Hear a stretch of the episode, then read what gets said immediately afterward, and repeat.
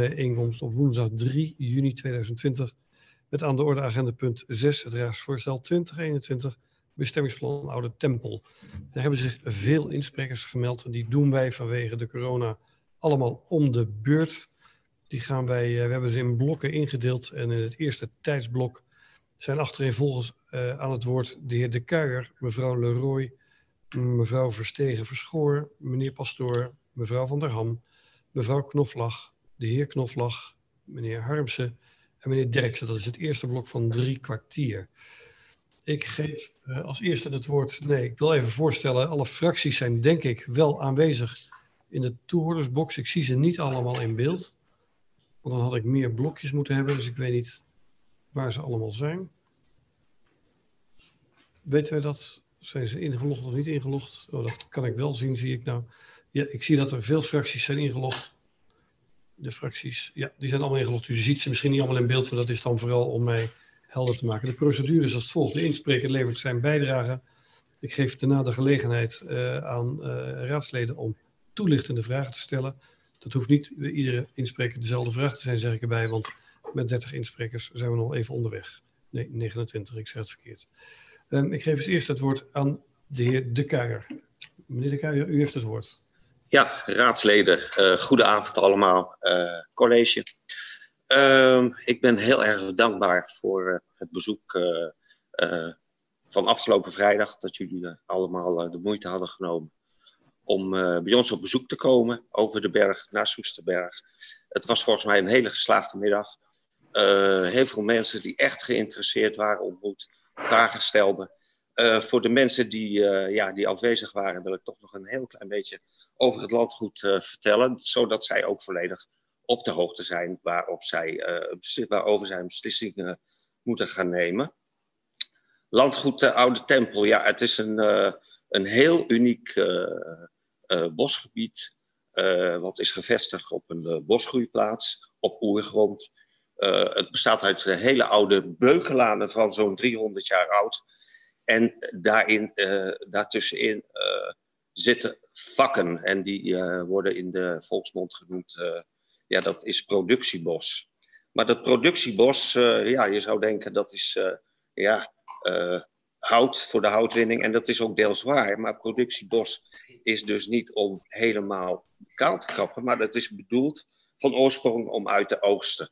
En daarnaast heeft het ook nog een hele belangrijke functie. En dat is zeker in verband met die beukelanen dat productiebos, dat is eigenlijk de voedingsbron voor die beukelanen. je moet dat zien als een soort uh, infuus. Uh, in droge tijden zorgt het productiebos ervoor dat die beukelanen gevoed worden. Dat zijn allemaal onderliggende wortelstelsels.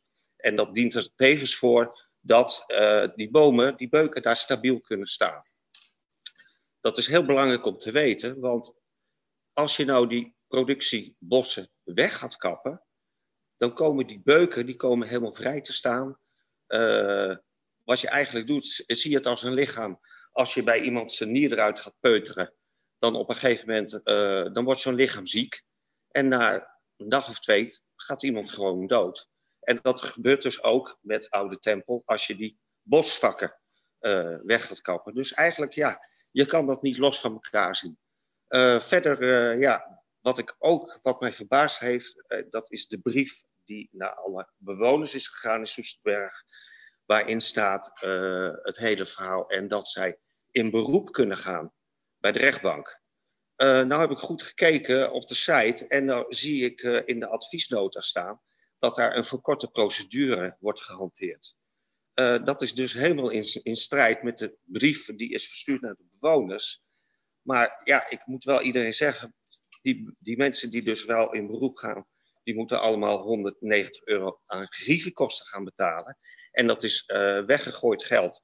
Dus je jaagt al die mensen op onnodige kosten. Dus dat moet gerectificeerd worden. En uh, ja, wat mij dan verder ook verbaast van, ja raad, waar gaat u nu eigenlijk op stemmen? U gaat stemmen op iets waar helemaal geen stedenbouwkundig plan voor ligt. Waarvan de gevolgen niet bekend zijn, uh, wat zeer onvuldig is. En ja, ga je die uh, niet overwogen beslissing nemen. En uh, de reden dat er geen stedenbouwkundig plan is, dat begrijp ik wel. Want ik heb twee projectontwikkelaars thuis gehad, een aantal weken geleden. Uh, uit die groep van acht die die aanbesteding zouden kunnen doen. Waarvan de twee al hebben gezegd tegen mij van ja, moet je horen, dit hele plan, we zijn daar in het Tempelbos geweest en wij zijn ervan overtuigd, hier moet je niet gaan Dit moet je zo in stand houden. Nou ja, dan ben je natuurlijk nieuwsgierig. Ja, dan zeggen ze er toch van ja, dat is technisch en financieel is dat gewoon helemaal niet uh, haalbaar. Want ja, ga nou eens naar als je daar 300 woningen moet bouwen Ieder, ieder huishouden heeft tegenwoordig uh, twee auto's, waarvan vaak één heeft er een, een bus. Hè. Tegenwoordig heeft, hebben veel mensen een bus van de zaak. Dat houdt in dat je daar 600 auto's moet gaan parkeren. En dat houdt in dat het bij elkaar aan één gesloten gebied van één hectare parkeerdek is. Nou, wil je dat hebben in een, in een, in een groen gebied waar, waar, diversiteit is, dat past helemaal niet. En uh, ja, verder, uh, ja, waar ze ook op stuiten, is hoe ga je daar riolering aan leggen? Want je mag helemaal niet graven in die grond bij die bomen. Uh, ik heb het rapport van Kopijn erbij gepakt. En als ik zie wat de randvoorwaarden zijn, ja, dan snap ik dat wel, dat dat helemaal niet kan. Want je, je, je moet afstand nemen van die beuken. Je moet op 11 meter afstand moet je allemaal vaste hekken gaan plaatsen. je moet er een, een, een, een toezichthouder plaatsen. Je mag de grond mag je niet bewerken. En die beuken zijn uiterst gevoelig voor schorstbrand. Daarnaast is er ook nog een heel groot bosvak. En dat is een derde van het perceel. Dat is bosvak vak 2. En dat is gewoon een waardevol bosgebied. En ja, als je dat ziet op het plan, dan zie je daar huizen op ingetekend. En tevens ook die, die projectontwikkelaar, die, die kon mij bevestigen van ja, daar mag je dus eigenlijk helemaal niet op bouwen. Dus dat gaat problemen veroorzaken. Mag ik heel even de reden van, u heeft ongeveer nog een halve minuut. Ik zou het uh, afsluiten met, uh, ja jongens, laten we met z'n allen naar een heel goed alternatief gaan kijken. Die zijn er en uh, ik denk aan de Banningstraat, die je verder nog kan uitbreiden. Richting Amersfoortse straat. Je kan er nog een extra toren bij bouwen bij bij uh, het vliegdek. Dat is uh, schitterend voor elkaar. Ja, er zijn zoveel mogelijkheden. Maar ja, ja, wij willen een landgoed behouden en jullie gaan voor de poen. Ja, zeg maar, hoeveel poen heb je nodig? Dan kunnen we gezamenlijk kijken hoe we die poen bij elkaar kunnen krijgen. Dank u wel. Dank u wel, meneer de Kruijer. U heeft zich keurig aan de tijd gehouden. Dank voor uw inbreng. Blijft u nog heel even staan, want het kan zijn dat er nog vragen vanuit de Raad voor u zijn. Ik weet dat natuurlijk niet zeker en ik doe ook geen uitlokking. Ik zie in ieder geval meneer Sielke. Blijft u vooral even staan. Meneer Sielke, u heeft het woord.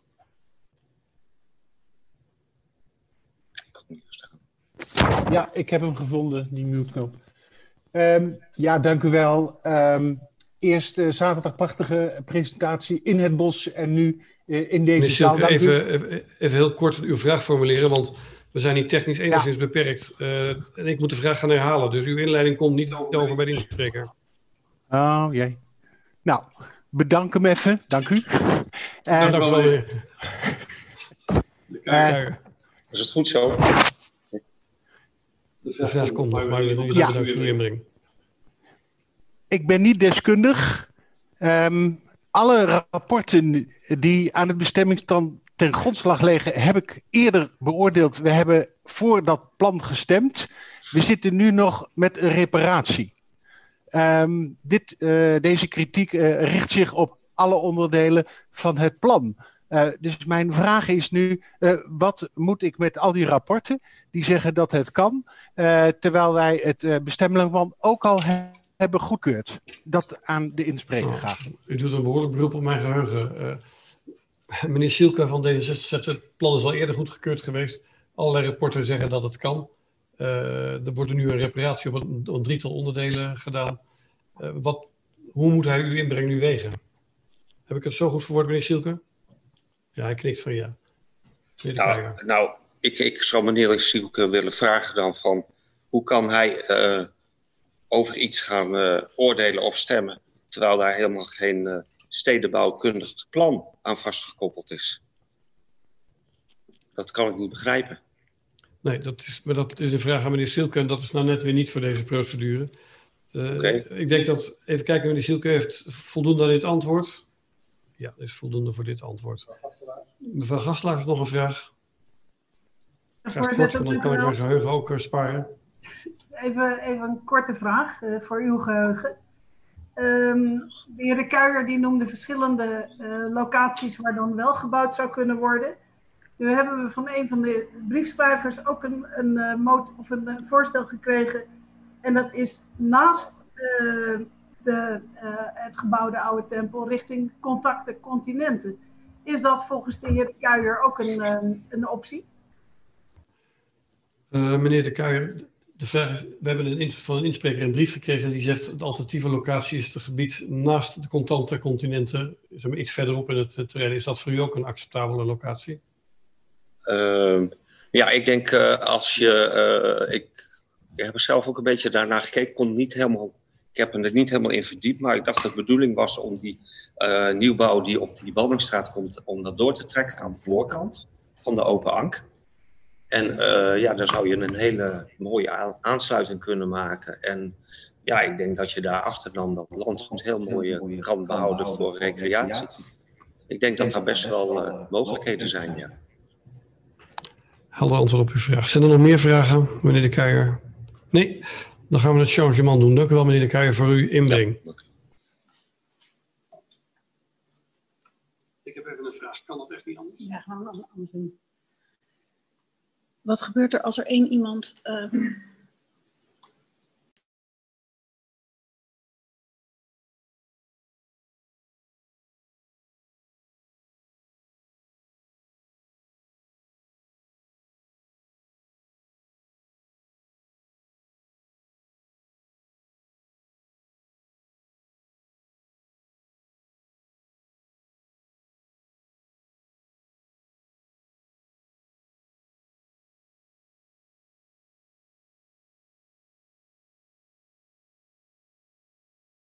even mevrouw En uh, kunt u inbrengen. Ja.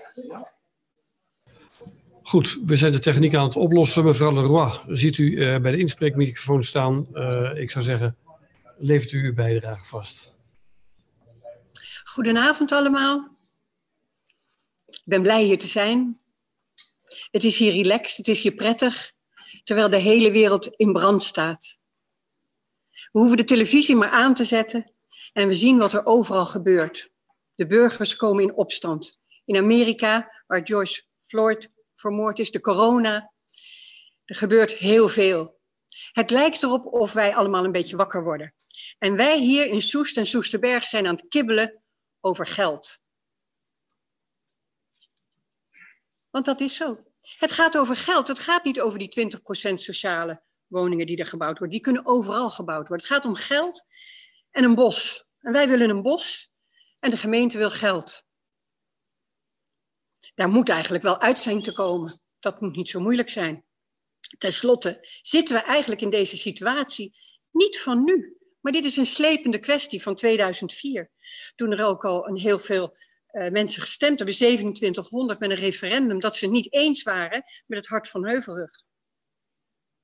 En nu een bos van bijna drie eeuwen oud moet dan het bekopen. En we missen al een heleboel. De ijsbaan, er gebeurt al van alles daar. Maar hoe gebeurt dit nou? Wij zijn allemaal ooit hier gekomen, scheppende wezens, en wij hebben van nature een enorme oerkracht. En met die oerkracht kunnen wij creëren. En sommigen creëren een fantastisch bedrijf. Ik ben mijn hele leven ondernemer geweest, dat was mijn creatie. Anderen worden kunstenaar. En er zijn mensen die gaan de politiek in. Die willen iets betekenen, die willen iets goeds doen, die willen iets moois neerzetten voor hun achterban. Alleen wat zo pijnlijk is, vind ik, dat het eerste jaar dat allemaal nog wel heel goed gaat, maar naarmate ze langer in de politiek zitten, geldt voor overal, hè? niet alleen voor hier, dan moet je water bij de wijn doen. Want ja, je moet wel dit, je moet wel dat, en je moet een beetje oppassen, zus. Maar je staat daar, je bent daar, doordat je een achterban hebt, omdat er op jou gekozen is. Anders stond je daar niet. En hoe jammer is het dan dat je op een gegeven moment die achterban teleur moet stellen? Ik heb 52 keer gestemd in mijn leven. En ik ben teleurgesteld. En daar neem ik helemaal zelf de verantwoordelijkheid voor. Ik heb op de VVD gestemd, want ik was een ondernemerskind. Ik heb op D66 gestemd, want dat vond ik ook wel vrijheid en speciaal. Ik heb op GroenLinks gestemd. Belangrijk, de natuur. Die is voor mij heel belangrijk. En keer op keer ben ik teleurgesteld, omdat wat in het programma stond, wat zij ons met mooie woorden beloofden, werd nooit waargemaakt. Dat vind ik pijnlijk. Want de politiek, de mensen die daar iets moois neer willen zetten, die staan daar omdat wij op hun gestemd hebben. Maar het gaat opeens helemaal niet meer over ons. Het gaat op dit moment ook niet over geld en bos. Ja, geld wel, maar bos niet. Het gaat erover dat onderweg sluipen er wat dingetjes tussen waarom mensen in de politiek zitten. Niet meer om hun goede doel, niet meer om hun ideaal, niet meer om iets moois te doen, maar het gaat eigenlijk vaak meer over hunzelf. Belangrijk zijn, interessant zijn, zo punten behalen. Maar waar is dan die achterban? Wat moet die daar dan mee? Nee, we doen toch weer een beetje water bij de wijn. En een oud gezegde is: wiens brood men eet, wiens taal men spreekt. En opeens merken we dan dat de politici niet meer de taal van die burger spreekt. En dat is nou precies wat er hier al jaren in Soesterberg gebeurt. Dat Soesterberg al in 2004 een beetje in opstand kwam en er een probleem mee had met die heuvelrug. En het interessante was, toen was dit oude tempelbos nog helemaal niet beschikbaar. Dat was gewoon van de open ank. Dus stel je nou eens voor dat het door heel iemand anders was gekocht. Dat de gemeente het helemaal niet had kunnen kopen. Dat het uh, landschap of bos, staatsbosbeheer of een filantroop die er een geweldig park van wilde maken het gekocht had. Dan werd er nu toch ook helemaal niet gebouwd? Dus ergens onderweg tussen 2004 en nu opeens oude tempel waar gebouwd moet worden, rood vergroen, ergens mis ik een stukje. Ergens denk ik, ja, wat heb ik dan gemist? Ben ik dan toch weer voor het lapje gehouden? En ik neem mijzelf dat kwalijk. Ik neem mijzelf kwalijk dat ik mij niet eerder in mijn jonge leven verdiept heb hoe het werkt, dit soort dingen.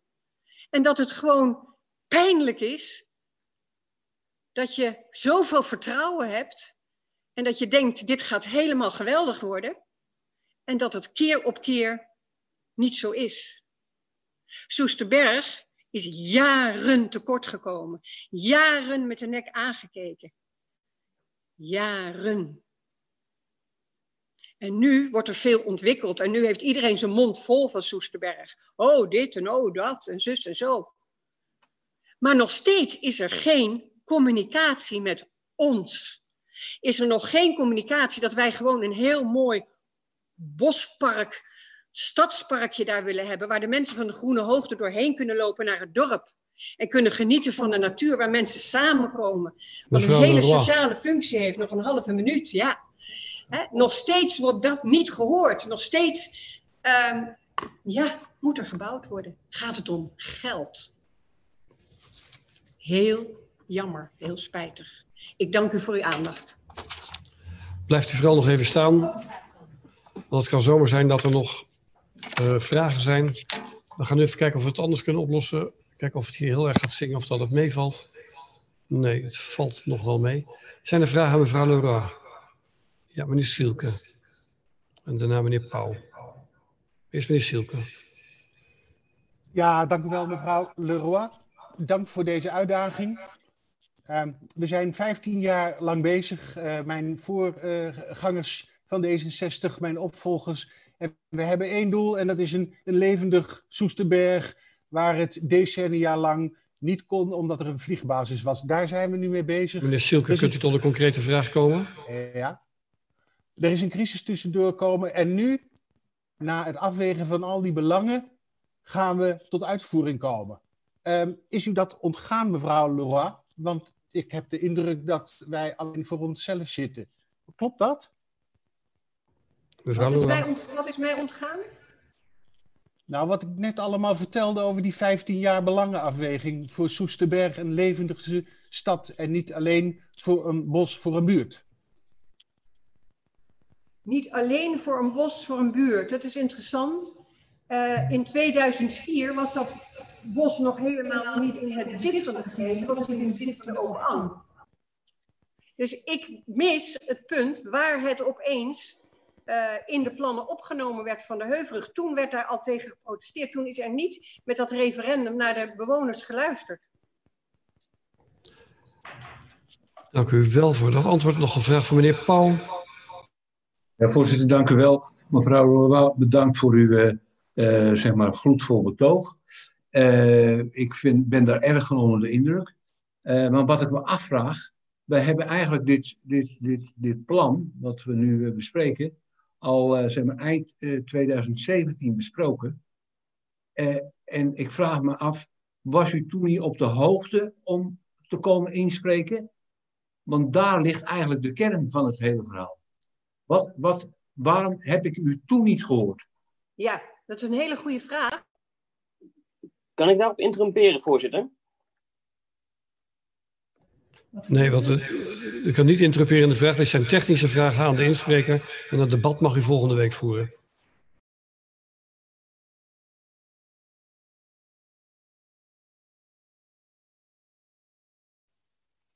Mevrouw Leroy is niet te horen, meneer de voorzitter.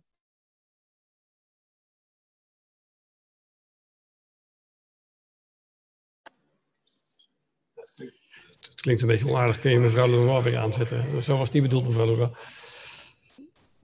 Waar was u in 2017? Met wie ben ik nu? Uh... Alle raadsleden. Ah, oké. Okay. Uh, in tot 2017 was de oude tempel dicht. En wij uh, wisten natuurlijk allemaal wel van het bestaan. Maar toen het open ging, zagen we dus eigenlijk pas echt wat hier gaande was. En ik neem het mijzelf, wat ik al in mijn speech gezegd heb, kwalijk dat ik al die jaren gestemd heb, maar eigenlijk een beetje slapend ben. Dat ik op mijn oude dag wakker moet worden, dat je hier kan staan en wat kan zeggen. En dat je je ermee je stem kunt laten horen. En dat dat heel belangrijk is. Oké, okay, dank u wel voor u. Zijn er nog meer vragen vanuit de Raad? Nee, dan wil ik u danken voor uw bijdrage, mevrouw. Dan ga ik vragen of mevrouw Verstegen. Verstegen. Ja, die komt door de deur. Ja, we proberen hier ook nog de afstanden te bewaren. Dat is nog een hele uitdaging in zichzelf. We moeten even wachten tot het spreekgestoelte wordt schoongemaakt. Kost allemaal even tijd. Ja. ja, u kunt terecht. Mevrouw Verstegen, u heeft het woord. Geachte raadsleden. Dertien jaar geleden hebben mijn man en ik een huis gekocht aan de Oude Tempelaan. We werden verliefd op het huis, maar vooral op de plek. Groen uitzicht, rustige laan, voor de zekerheid, voordat het koopcontract getekend werd, toch maar een afspraak gemaakt op het gemeentehuis. Om na te vragen wat er eventueel voor plannen waren met het bos achter de villa aan de overkant. Ik werd gerustgesteld. De oude Tempelaan is beschermd dorpsgezicht. En eventuele bouw zou dan pas mogen plaatsvinden na huis nummer 14. Ik had beter moeten weten en het zwart op wit moeten vragen. Het bestemmingsplan ligt daar. Het bos zal, als het plan goedgekeurd wordt, moeten plaatsmaken voor woningen. Triest dat geld belangrijker is dan natuur. Zeker in deze tijd waarin het belang van natuur steeds meer benadrukt wordt. Maar daar horen we vanavond waarschijnlijk de meeste sprekers over praten. De dieren die in het bos leven, waaronder elf beschermde diersoorten, het plezier wat het bos oplevert voor de inwoners van Soesterberg. Een oase van rust op loopafstand, een speelplek voor kinderen. Sinds het bos twee jaar geleden opengesteld is, hebben veel mensen de weg naar dit unieke historische stuk natuur weten te vinden. U heeft afgelopen vrijdag zelf tijdens de wandeling de stilte en schoonheid van het bos kunnen ervaren. Ongelooflijk dat de lanen er in 1850 ook al waren. En het bos is alleen maar mooier geworden. Tijdens een wandeling midden in het dorp loop je in een stuk historisch. Dat is onbetaalbaar. Om tot rust te komen gaan mensen op zoek naar stilteplekken. In Soesterberg is er al zo'n stilteplek. Het lijkt me duidelijk, het bos moet blijven. In de afgelopen jaren zijn er veel dingen veranderd. De natuur is een belangrijk punt op de agenda van de landelijke politiek.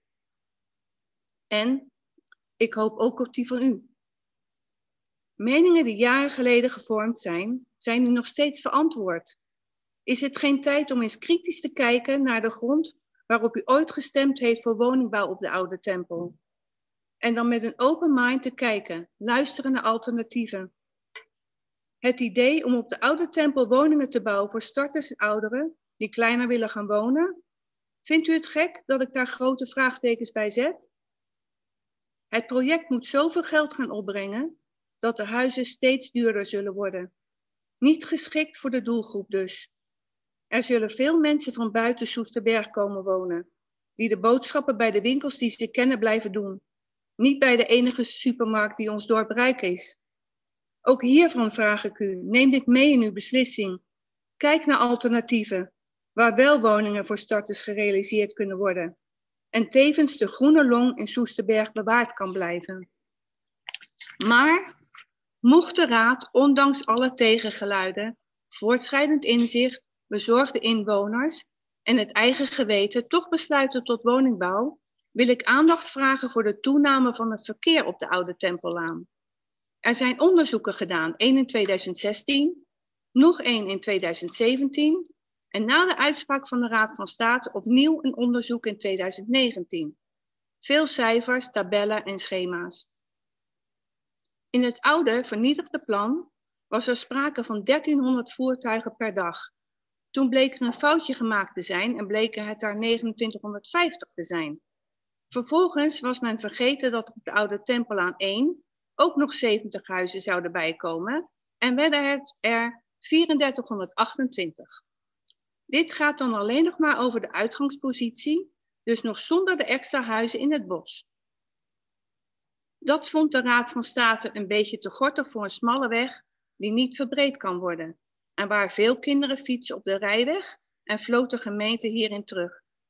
Wat doet de gemeente vervolgens? Ervoor zorgen dat de veiligheid van de inwoners gewaarborgd wordt? Door het plan aan te passen? Nee, er komt een nieuw onderzoek naar dezelfde situatie. Wat schetst mijn verbazing dat uit het nieuwe onderzoek uit 2019 er ineens nog maar 1420 zijn. Hoe geloofwaardig is dit nog? Ik hoop dat jullie dit niet voor zoete zullen slikken. Volgens u aan uw tijd, mevrouw. Volgens het plan gaan bijna alle nieuwe bewoners over de nieuwe Noordelijke weg direct naar de N237, omdat iedereen kennelijk zo snel mogelijk Soesterberg uit wil gaan. Ik vind dit niet geloofwaardig. Waarom is er nooit serieus ingegaan op de vraag om de uitvalsweg van de wijk te laten aansluiten op de Frits Koolhovenlaan? Daar staan nog stoplichten. Het verkeer kan goed en veilig geregeld worden. En auto's zitten binnen een vloek en zucht op de A28. Heeft u nog veel, mevrouw? Want u bent aan uw tijd. Een klein stukje. Bij het huidige plan zal al het verkeer uitkomen op de Oude Tempelaan. Die is niet berekend op dat verkeer. Het argument dat het een veilig 30 kilometer zone is, klinkt aardig, maar de praktijk is anders. Ik doe nogmaals een beroep op uw kennis en inzicht. Luister naar de inwoners van Soesterberg en kies voor het behoud van het bos en woningbouw op een andere plek, zodat ook de generaties na ons kunnen genieten van dit bos. Dank u wel. Dank u wel, mevrouw Verstegen. Blijft u nog even staan. Ik weet niet of er nog vragen aan u zijn. Nee, die zijn er niet meer. Dank u wel voor uw bijdrage. Ik vraag om de heer Pastoor om binnen te komen. Oh, u zat er al. Ja, u mag wel binnen door. U hoeft niet alleen maar langs uzelf. Dat is toegestaan. Had eigenlijk gevraagd om een presentatie, heb ik niet opgestuurd. Ik weet niet of dat door is gekomen. Ik kijk even of er een presentatie is doorgekomen. Het begin van de Het is een pdf van slechts zes pagina's. Ik heb ook zeker geen vijf minuten nodig. Dus ik zou het erg op prijs stellen als die uh, getoond kan worden. Hij kan, als we hem hebben, kan hij getoond worden. Anders kan het niet. Toppen. Ik heb hem gestuurd aan Rien van Vliet en Helene Kuijer. Oh. Ja, hij is binnengekomen. Ik zie mensen knikken. We gaan het even technisch klaarzetten. We pauzeren even een kort moment.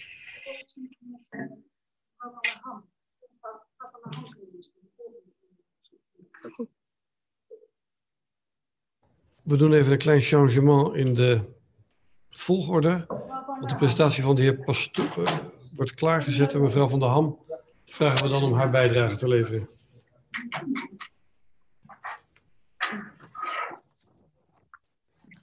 Mevrouw Van Ham, welkom. Ja, dank u wel. U heeft het woord. Ja, uh, goedenavond. Um, geachte college en raadsleden van Soest en Soesterberg. Ik neem u mee naar het gebied tussen Soest, Zeist en Amersfoort, genoemd Hart van de Heuvelrug. Het gebied is u wel bekend, u woont er. Ongeveer in het midden, in Soesterberg, ligt vanaf ongeveer 1850 het landgoed Oude Tempel. Niet zomaar een bos, maar een cultuurhistorisch bos met oude beukenlaan. We praten over 2004. Dat is 16 jaar geleden. Ik wil u even een tijdsbeeld geven van 2004. Uh, André Hazes is overleden. Een verwoestende tsunami in Zuidoost-Azië. Theo van Gogh is doodgeschoten en Hijs wordt opgestart. Dat is allemaal geschiedenis. In 2004, dat is lang geleden. Nu werden er in 2004 ook plannen gemaakt om het gebied Hart van de Heuvelrug te herstellen. Als mooi natuurgebied waar het goed wonen, werken en vertoeven is. Een van de doelstellingen was de kwaliteit van de natuur te verbeteren volgens het principe rood voor groen.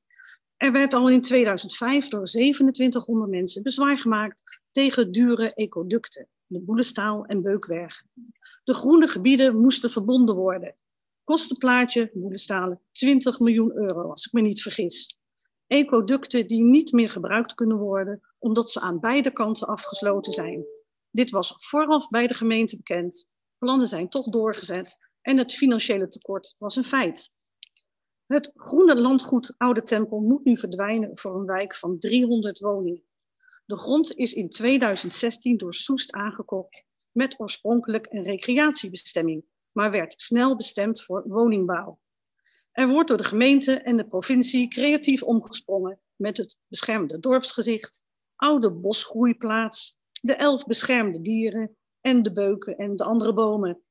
De dieren worden straks gewoon verplaatst. De oude bosgroeiplaats ligt binnen het dorp, dus de gemeente mag zelf beslissingen nemen.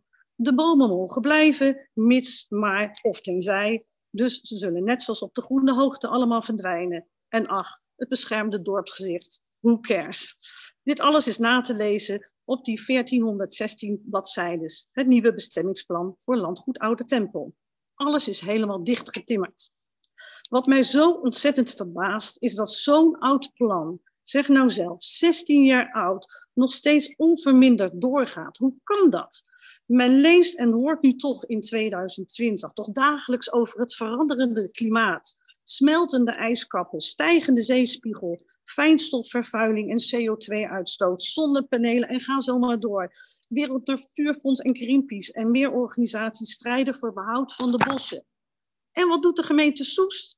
Geen evaluatie van het oorspronkelijke plan, geen voorschijnend inzicht. Nee, oogkleppen op en gewoon doorgaan. Thuis zeggen wij altijd: kijk even verder dan je neus lang is. Want dat er in Nederland huizen bij moeten komen, is algemeen bekend. Hemelsbreed op 600 meter ligt van de oude Tempeldam ligt het oude AZC-terrein. Riolering, elektra, waterleiding, het is allemaal aanwezig. Dit gebied moet teruggegeven worden aan de natuur. Begrijpt u de logica? Ik niet. Het probleem zou zijn dat die grond van Zeist is. Maar laat Zeist nu ook in het oorspronkelijke plan Hart van de Heuvelrug zitten. Ik zeg dan, 1 en 1 is 2. Het probleem moet toch te tackelen zijn? Nee, Soest heeft een financieel tekort en committeert zich aan de afspraken uit 2004. De gemeente wil met het bouwen op landgoed Oude Tempel geld verdienen. Is er dan niemand op het stadhuis die ziet en vindt wat wij in Soesterberg zien en vinden? Is er dan niemand op het stadhuis die stiekem denkt dat het doordrukken... Mag ik u heel even onderbreken, mevrouw? Ik zie allemaal mensen binnenkomen van de tweede ploeg. Wilt u alsjeblieft deze zaal verlaten? Er komen dan meer mensen in deze zaal. Die, uh, meneer Scheurkogel zag ik nog. U moet buiten wachten tot u binnengeroepen wordt. Nee, u moet ergens anders gaan zitten. Er mogen hier maar een beperkt aantal mensen in de ruimte aanwezig zijn. En ik moet het kader van de corona echt streng zijn, want anders dan zijn wij in overtreding met de noodverordening. Gaat u verder. Ja. ja. Is er dan niemand op het stadhuis die stiekem denkt dat het doordrukken van de bouw eigenlijk niet kan? Tunnelvisie? Echt alleen maar rood voor groen? Het comité Landgoed Oude Tempel had het college en de raadsleden voor een wandeling op het landgoed uitgenodigd. En afgelopen vrijdag hebben we met hen door het bos gelopen. We zijn blij met die grote opkomst. Het bos was zoals altijd magisch mooi. Alleen het hetje liet zich niet zien. Dat was jammer. We zagen de verbazing op gezichten van sommige raadsleden. Sommigen waren er nog nooit geweest. Toch wel heel mooi, zon door, maar ja, rood voor groen. Ik hoop dat u, raadsleden, met uw hart stemt, met uw groene hart. Dat u inziet dat dit mooie, mooie bos moet blijven. De longen van Soesterberg, één van de longen van Hart van de Heuvelrug. Dat u begrijpt dat de tijden veranderd zijn en dat u een moedige stap kunt maken tegen de verwachting van het college in. Dat ook u vindt dat er anno 2020 geen bos tegen de vlakte kan. En dat u later trots tegen de volgende generatie kunt zeggen dat u toen voor groen heeft gekozen en niet voor rood. Omdat u vindt dat de gemeente Soest, waar u deel van uitmaakt, leefbaar en gezond moet blijven. En echt, gemeente Soest, er zijn in de gemeente ongetwijfeld andere plekken om te bouwen. Ik denk dat het uiteindelijk ook financieel helemaal goed komt. Ik dank u voor uw aandacht en wens u wijsheid toe. Dank u wel. Dank u wel, mevrouw Van der Ham. Oh, Sorry voor de onderbreking, maar ik ga Oh, kijken of er nog vragen zijn. Meneer Sielke, zie ik met een vraag. Even wachten tot hier het geluid kan geregeld worden, meneer Sielke. Ja, u heeft het woord. Ja, dank u wel, mevrouw Van der Ham. Eh, u bent de derde op rij die het heeft over dat wij geld moeten verdienen daar. Het is mij volstrekt onduidelijk eh, waar dat sprookje toch vandaan komt. Wij moeten namelijk helemaal geen geld verdienen. Wij gaan daar huizen bouwen voor Soesterbergers. Eh, en dat is het doel van het plan. En niet meer en niet minder. Wat is uw Waar vraag, meneer vandaan? Waar komt, het, waar komt het sprookje vandaan dat wij geld moeten verdienen? Meneer dit? ik zou willen vragen, want de bedoeling van deze inspreekronde is dat de insprekers hun bijdrage kunnen leveren en u kunt technisch toelichtende vragen stellen. Mevrouw Van der. Nou, ik denk niet dat het een sprookje is. Het is e- eerder een, een, een griezelverhaal, denk ik, dat die huizen daar komen. En, eh, ja, en wij weten niet beter en, eh, dat eh, Soest die grond gekocht heeft om daar huizen op te zetten, omdat zij daar gewoon geld mee verdienen. En dat dat de reden is waar, waarmee, dat ze daarom doorgaan met dit plan. Dus het is geen sprookje, dat kan ik u vertellen. Maar ik hoop wel op een happy end, dat wel. Ja, we gaan het debat niet met elkaar is niet Nee. de bedoeling. Ik zag nog twee mensen die vragen hadden. Meneer Kramer en meneer De Ruiter. Meneer De Ruiter heeft het woord. Ja, dank eh, zijn voorzitter. dus- Dank voorzitter. Eh, dank mevrouw voor, voor uw inspraak. Ehm, uit uw verhaal maak ik op dat het 16 jaar geleden is dat het plan gemaakt is. Heeft u nu de indruk dat alles wat we nu weten over fijnstofberging, CO2-berging, eh, waterberging voor een bestaand bos, zoals de Oude Mm, Tempel nu is, dat dat in de tijd niet is meegewogen in het besluit om hier een bos op te offeren voor een woonwijk? Ja, ik denk dat 16 jaar geleden dat allemaal nog helemaal niet, dat dat nog geen issue was. Dat we dat allemaal niet wisten. En nu wel, nu zijn we 16 jaar verder. En is denk ik de hele wereld wel overtuigd van het feit dat we eh, andere dingen eh, anders, anders moeten gedragen en ons anders eh zuiniger moeten zijn op de wereld. Dat was 16 jaar geleden anders. Zo niet aanwezig. Goed, dat is een heldere vraag en een helder antwoord. Anderen nog? Nee. Dan kijk ik of de presentatie inmiddels klaar staat. Ja, die staat klaar. Dank u wel, Ja, ja. mevrouw Van Ham. Ja, ja dank u wel. Dan mag meneer Pastoor voor de herkansing, maar nu met presentatie. Ja, dank u wel. U blijft daar zitten, dus oh, kijk eens aan, u bent helemaal ingelogd zelfs. Nou, Ik ben ingelogd en ik mag op mijn eigen plek blijven zitten. En ik mag nu ook start screen doen. Dus dat even het goede scherm met u delen. Het is goed dat het niet met mij gedeeld was, anders was het niet goed geweest. Gaat u vooral verder. Ja, mijn naam is eh, Vincent Pastoor. Ik woon eh, inmiddels tien jaar in, eh, in de gemeente Soest. Waarvan een deel in de, in de plaats Soest zelf. En de laatste jaren in Soesterberg. Het heeft mij eigenlijk, eigenlijk altijd wel, wel verbaasd dat alle nieuwbouwplannen voor de hele gemeente Soest. Eh, grotendeels in Soesterberg gaan plaatsvinden. Ik begrijp het enerzijds, omdat daar de voorzieningen eh, toe zouden kunnen nemen. Op het moment dat je meer omvang krijgt in het dorp, krijg je meer voorzieningen. Eh, maar ik denk dat dezelfde discussie hadden we die kunnen voeren als we hadden gezegd, laten we de eng hier eens gaan volbouwen met huizen. Dat ligt ook mooi in, in, het, in het centrum van, uh, van Soest. Ik denk dat ik dan tegen heel veel heilige huisjes aanschop. En ik heb gemerkt sinds de tijd dat ik in uh, Soesterberg woon, dat je eigenlijk ook tegen heilige huisjes aanschopt. Op het moment dat er gezegd wordt, en al heel veel jaar het plan is, om um, landgoed Oude Tempel te gaan volbouwen met, met huizen. Nou, ik heb even een kleine presentatie gemaakt om jullie ook even wat foto's te laten zien. Ik ga ervan uit dat jullie allemaal in het bos zijn geweest. Ik woon er zelf vlakbij, ik wandel vaak met mijn kinderen. Um, en op die manier heb je gewoon een goed beeld van wat, wat, wat is dat bos eigenlijk? Waar, waar, hebben we het over met elkaar? In totaal is het 22 hectare bos. Een ontzettend mooi, mooi gebied met tientallen diersoorten. er staan duizenden bomen, ik heb ze niet geteld. en het heeft, ik denk het meest unieke wat je in dit bos ziet, is dat het prachtige lanen heeft. Op de foto hier op de achtergrond van de presentatie ziet u een van de lanen, waarbij je gewoon prachtige vergezichten hebt en mooi door het hele bos heen kunt kijken. Wat levert dan uh, uh, het bos hè, momenteel op voor de, voor de mensen uit Soesterberg? Uh, nou, ik denk bovenal, dat zijn tonnen aan CO2.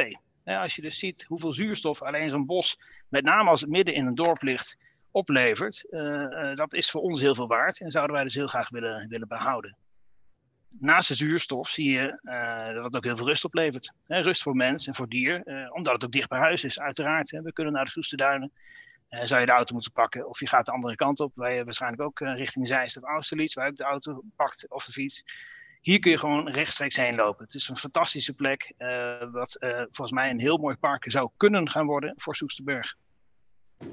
ik hoef u niet te vertellen, ik heb een paar foto's hier neergezet, dat het een prachtige natuur is van alle jaargetijden. Van, van winter tot lente, zomer en herfst.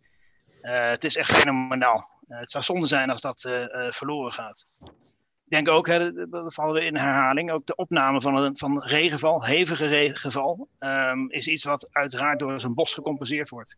Hè, de, de wijk die nu naast de sauna is gebouwd, daar hoor je al dat er veel overstroming heeft plaatsgevonden. Omdat daar ook veel bomen zijn uh, gekapt en dat daar het water niet meer op kunnen nemen. Waarom zou je dan toch 300 huizen gaan bouwen op landgoed de Oude Tempel? Wij begrijpen u. Het is niet, we zijn niet van gisteren. Wij snappen dat de woningnood is hoog. Hè, mensen uh, schreeuwen om woningen, ook in Soesterberg. Uh, dus dat begrijpen we. Daarnaast, uiteraard, hè, het bouwen van woningen, dat stimuleert ook voorzieningen. Daar zijn we het ook volledig mee eens. Dat is iets wat wij ook zien in ons dorp. Uh, dat een groeiende populatie in Soesterberg levert ons ook een, een bredere basis op voor horeca, voor, voor winkels en andere voorzieningen. De grond is aangekocht en dat hebben we nu al een paar keer eerder gehoord. Uh, en dat uh, moet terug worden verdiend. Ik denk dat dat ook een antwoord is op de vraag die net werd gesteld. Ik denk niet dat er geld wordt verdiend, maar ik denk dat er geld wordt verloren als daar geen woningen wordt verbouwd. Um, dus dat, op zich begrijpen we, uh, we dat. We zijn ook echt niet tegen, tenminste ik, laat ik voor mezelf spreken, ik ben echt niet tegen woningbouw. Maar waarom op deze plek? Dit is zo'n fantastisch mooie plek. Ik als bewoner en heel veel bewoners met mij hebben daar zoveel plezier van. En zijn er alternatieven? Ja, die zijn er er zijn er altijd alternatieven. Er zijn ook alternatieven voor, eh, voor financiën. En, en, daar willen wij als bewoners graag over meedenken. Dus we bieden ook bij, bij deze onze hulp aan om te kijken, kunnen we het dan niet anders doen? Ik denk juist in deze tijd, uh, waarin er veel wordt gesproken over, uh, over CO2, wat alleen maar uh, belangrijker is, hè, de, de, klimaatdoelstellingen die jaar op jaar niet worden gehaald, gaan we hier in ieder geval niet in, in bijdragen. Uh, en het zou gewoon zonde zijn. Ik denk ook dat het reputatieschade kan opleveren voor de gemeente Soest. Mocht dit landelijke media uh, wederom moeten gaan krijgen. Uh, en ik denk niet dat het nodig is. Ik denk echt dat we hier met elkaar een heel mooi plan kunnen verzinnen hoe we het anders kunnen gaan doen. Dus mijn enige vraag eigenlijk aan u is, beste gemeente Soest, alstublieft heroverweeg uw beslissing. Kijk of er andere mogelijkheden zijn. benut ons, schakel ons in waar mogelijk. wij kijken graag met jullie mee. Uh, we, zullen eh, creatief moeten zijn met elkaar, maar de, uh, die kansen zijn er en dat kunnen we echt doen. Um, en als het dan toch moet gebeuren dat daar een woningbouw plaats zou moeten vinden, laat ons dan alsjeblieft meekijken hoe wij concreet kunnen bijdragen aan een beter Soesterberg met heel veel behoud van bomen in dit o zo prachtige bos. Dank voor uw aandacht. Dank u wel, meneer Pastoor. Keurig netjes binnen de vijf minuten. Uh, ga ik nu kijken of er, als u de ja, dank u wel. Uh, of er vragen zijn. Ik zie meneer Pauw. Meneer Pauw. Ja, voorzitter, dank u wel. Meneer Pastoor, dank u voor uw inspraak. Het geeft mij een uh, goed gevoel dat ik hier met een, uh, zeg iemand heb die mee wil denken.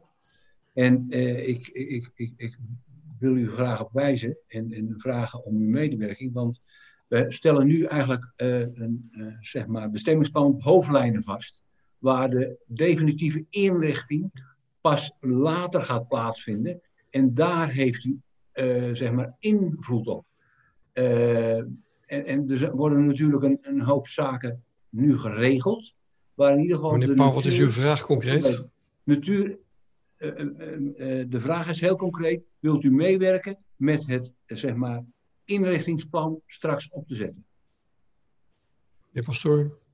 Uh, ja, uiteraard wil ik daar aan meewerken. Maar mijn vraag was eigenlijk meer uh, heroverwegen uw plan en kijken of er alternatieven zijn. En alternatieven bedoel ik eigenlijk bosbehoud. Als het echt niet anders kan, uh, zeg ik bij deze toe dat ik wil meedenken mee over hoe we dan zoveel mogelijk bomen kunnen gaan behouden in het bos. Meneer Stormbroek. Dank u wel, voorzitter. Dank u wel, meneer Pastoor. Ik zie uw uitnodiging anders. Ik zie uh, dat u wilt meedenken naar een uh, mogelijk alternatief voor uh, dit plan. wij zouden uiteraard ook graag zien dat het bos behouden blijft.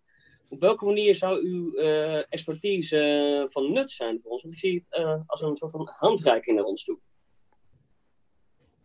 Meneer Pastoor. mijn expertise ligt op financieel gebied, dus dat is mogelijk daar. Ehm, ja, vind ik, vind ik een lastige vraag om te beantwoorden. Ik denk dat wij als bewoners, ik spreek nu namens mezelf, maar heel veel bewoners zijn creatief genoeg om mee te kijken naar alternatieven. Uh, volgens mij zijn we een jaar geleden ook met een alternatief bezig geweest om te kijken of je tegenover de A28, uh, net in het gebied van Zeist, op de oude plek waar de, uh, het museum, Nationaal Militair Museum gevestigd is, om te kijken of daar woningbouw zou kunnen plaatsvinden. eventueel met een overdekking over de A28 heen, om toch het, het dorp aan te sluiten ik denk dat dat een eh, fantastisch, uh, fantastisch alternatief is om, uh, om op die manier het bos te behouden. En een gebied wat nu inmiddels al braak ligt, wat teruggegeven gaat worden aan de natuur, om daar dan woningen te bouwen. Ik denk dat je daarmee, uh, zo is ook ooit uh, Vathorst ontstaan, dat dat een prima alternatief is. Goed, je kan nog even doorgaan de, met alternatieven, maar ik weet niet of dat lijkt me niet de gedachte. Ik weet het zeker, dat hier is er niet. Want deze ronde zou eigenlijk al afgelopen moeten zijn. En we zijn nu ongeveer op, u bent de vijfde spreker. We hebben er nog vier te gaan in dit blok. Dus voor een latertje vanavond. Dank u wel, meneer Pastoor. U mag ook gelijk uitloggen. Graag gedaan. Um, dan, geef ik, dan vraag ik om mevrouw, mevrouw Knopvlag. Ja, oh, u zat al helemaal klaar. Heel goed. U heeft het woord.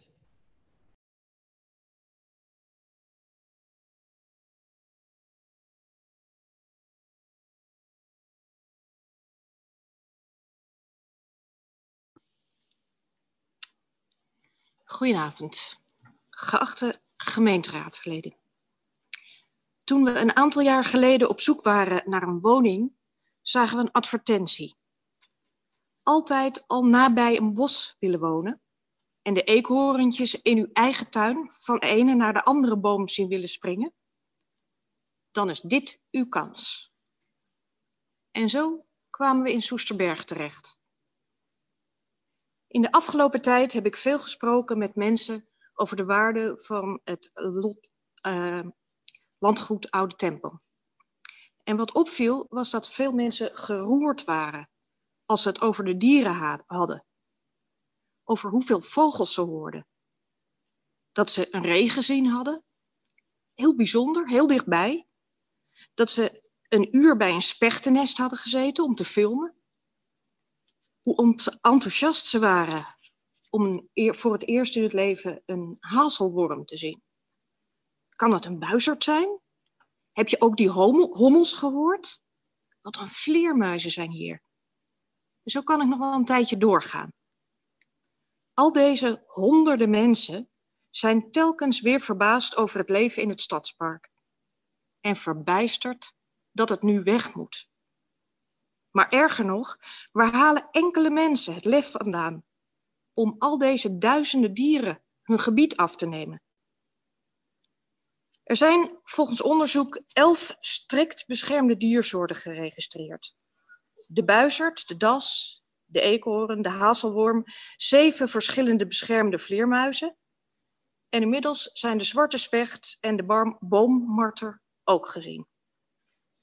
Het betekent dat bij herinrichting meerdere verbodsbepalingen van de wet natuurbescherming overtreden moeten worden. En om deze reden moet, is het noodzakelijk om de dieren te verplaatsen. Er moeten diverse ontheffingen aangevraagd worden voordat er gebouwd kan gaan worden. En de provincie die zal deze ontheffingen moeten verlenen.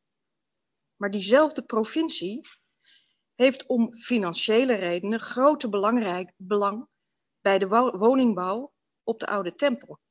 En heeft daarmee dus eigenlijk een dubbelrol. Over ontheffingen hoeft niemand zich dus eigenlijk nog zorgen te maken. Dat hebben we gezien bij het Dassa-drama. Er zou gebouwd worden op de Groene Hoogte, maar helaas, daar zaten dassen. Stichting Das en Boom werd voor een fortuin ingehuurd om de dassen af te vangen. De Dassenburg lag op landgoed Oude Tempel. Er werden bomen gekapt, een ren geplaatst, camera's opgehangen. En daarna werden er zelfs dranghekken gezet, zodat de dassen niet gestoord zouden worden. BOA's die kwamen toezien of de regels wel nageleefd werden. Uiteindelijk werd slechts één das gevangen. En deze das die werd op wonderbaarlijke manier was hij ontsnapt. Sporen bewijzen dat de dassen nog steeds aanwezig zijn. In de afgelopen jaren zijn de dieren van de Groene Hoogte naar landgoed de Oude Tempel verjaagd. Maar wat is de volgende stap? Als ze ook hier weg moeten. Gaan de dieren het dorp in? Gaan ze de snelweg op? Worden dieren gevangen? Hergeplaatst? Het kan toch niet waar zijn dat er een heel groot hek om het hele gebied gezet wordt en dat het systematisch wordt uitgekampt. Zeker wel. Alle aanvragen liggen er al. Het plan? De dieren worden keurig afgevangen, net zoals de das, en daarna uitgezet, net zoals de das. Maar wij weten eigenlijk wel beter. Natuurlijk, er is geld nodig, heel veel geld. En er zijn woningen nodig. Heel veel woningen. Maar ik wil met klem vragen om goed te kijken naar andere plekken. Want die zijn er. Dit waardevolle bos, deze beschermde diersoorten, ze mogen niet of geofferd worden. En daar zijn heel veel Soesterbergers het over eens. Dank u wel. Dank u wel, mevrouw Knoflag. Op een seconde na, precies op vijf minuten. Dus dat is knap getimed. Dank u wel. Zijn er nog vragen aan mevrouw Knoflag? Ja, ik zie mevrouw Gastelaars. Ja, voorzitter, dank. Um, eigenlijk een korte vraag. U zegt van er zijn uh, andere plekken waar gebouwd kan worden. Uh, doe dat alsjeblieft niet in het bos. Uh, als DSN zijn, wij daar, zijn we het daarmee eens. Maar wat zijn volgens u die andere plekken? Ik denk zeker dat, uh, dat er hele juiste plekken gezegd zijn. Dus um, inderdaad richting Kamp Zeist. en aan de andere kant van de Open Ank zouden plekken kunnen zijn. Um, maar ik denk dat daar gewoon heel uitgebreid onderzoek naar moet gedaan worden. En dat dat eigenlijk al gedaan is ook voor, een heleboel mensen. Ik woon hier nog niet zo heel erg lang. Dus dit zijn de plekken die ik weet. Um, maar ik neem aan dat er uh, mensen meer op de hoogte zijn daarvan. Dat denk ik ook vast wel. Zijn er nog meer vragen? Ja, meneer Redeker. Ja, voorzitter, een vraag die ik eigenlijk ook aan wel meer insprekers zou willen stellen. Maar mevrouw Krotslag, ik hoop dat ik de naam goed uitspreek, geeft aan dat ze pas sinds kort in Soesterberg woont. Uh, heeft ze zich toen ze in Soesterberg ging wonen ook, heeft u zich toen ook georiënteerd over de plannen die er toen waren rond, uh, noem het even, de, de verdere ontwikkeling van Soesterberg? Absoluut, ja. Wij zijn uh, hier uh, nu vier jaar geleden gekomen. In eerste instantie was uh, het, het, stuk wat nu bebouwd is of wordt um, van de Groene Hoogte. Um, dat was toen opengesteld en daar stonden ook nog de bomen. En dit was een heel magisch gebied, wat ook al vaak gezegd is, waar nog een hek omheen stond. En wat je alleen maar vanaf de open ank kon bereiken. En dat is later opengesteld. En ja, daar, daardoor word je meteen verliefd eigenlijk over de, op dat gebied. En um, plannen waren bekend, ja. Maar over dit gebied nog niet. Dank u wel, mevrouw Knoflag. En nu gaat het hier gezellig echoen, omdat ik ook... Uh, meneer Knoflag. We door hetzelfde huishouden. Ja. Dus ik hoef het spreekslot niet te gaan.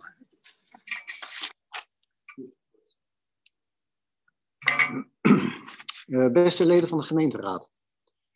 Uh, voor ik begin aan mijn betoog uh, het volgende.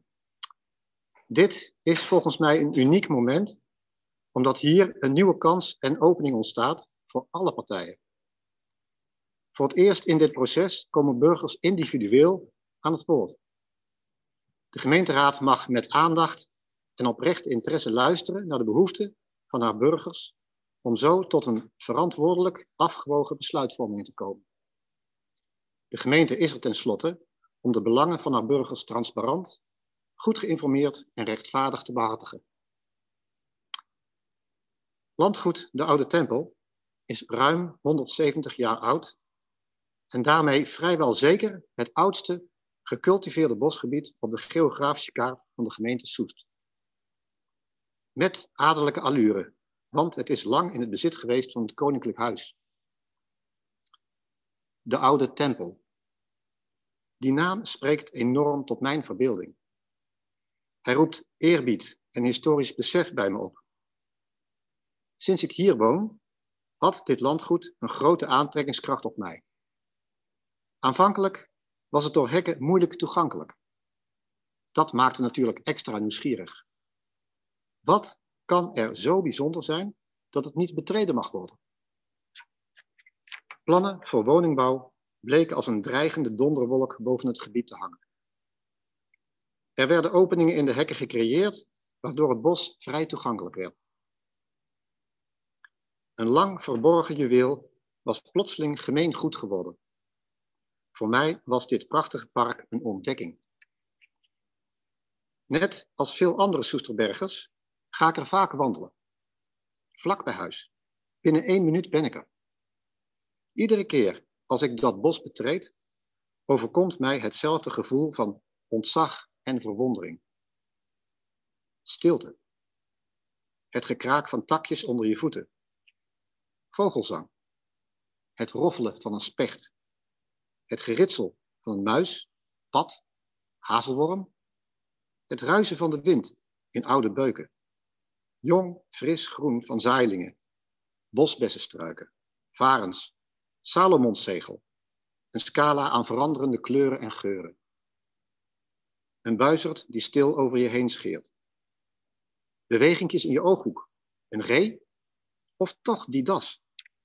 En in de verte spelende kinderen, het geblaf van een hond.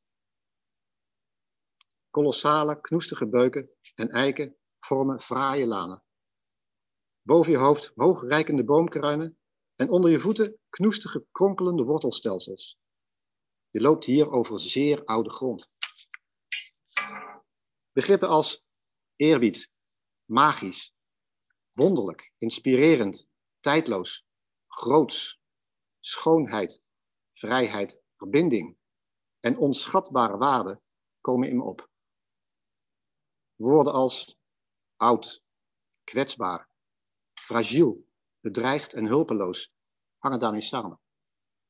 En woorden als nutteloos, verwaarloosd, onrecht, desinteresse, ontkenning, starheid, inwisselbaar, vernietiging en opbrengst versterken deze begrippen des te meer. Bij mij doemt enerzijds vanuit historisch oogpunt het beeld op van een statige, bejaarde dame die de rijke historie van deze regio vertegenwoordigt. Anderzijds, vanuit het oogpunt van milieubescherming, dat van een kwetsbaar en hulpeloos kind. Dat is overgeleverd aan de onvoorwaardelijke liefde en zorg van haar ouders. Die ouders met deze zware verantwoordelijkheid, dat bent u. En, wij, en dat zijn wij samen allemaal. Dit bijzondere landgoed is volgens velen uniek en onvervangbaar als levend ecosysteem. Laat het geen geschiedenis worden en voor altijd van de geografische kaart verdwijnen. Dat kan alleen door uw hart te volgen en de volle verantwoordelijkheid te nemen. Ik nodig u uit om ieder voor zichzelf dit moment als kans aan te grijpen. Ik wens u allen voor de komende tijd veel wijsheid toe. Dank voor uw aandacht. Dank u wel, meneer Knoflag. Ook netjes binnen de tijd goed getimed vooraf. Zijn er vragen vanuit de Raad voor u? Nee, die zijn er niet. Dank u voor uw bijdrage. Het was helemaal helder. Dan vraag ik nu om meneer Harmsen. Hier, hier naartoe te komen.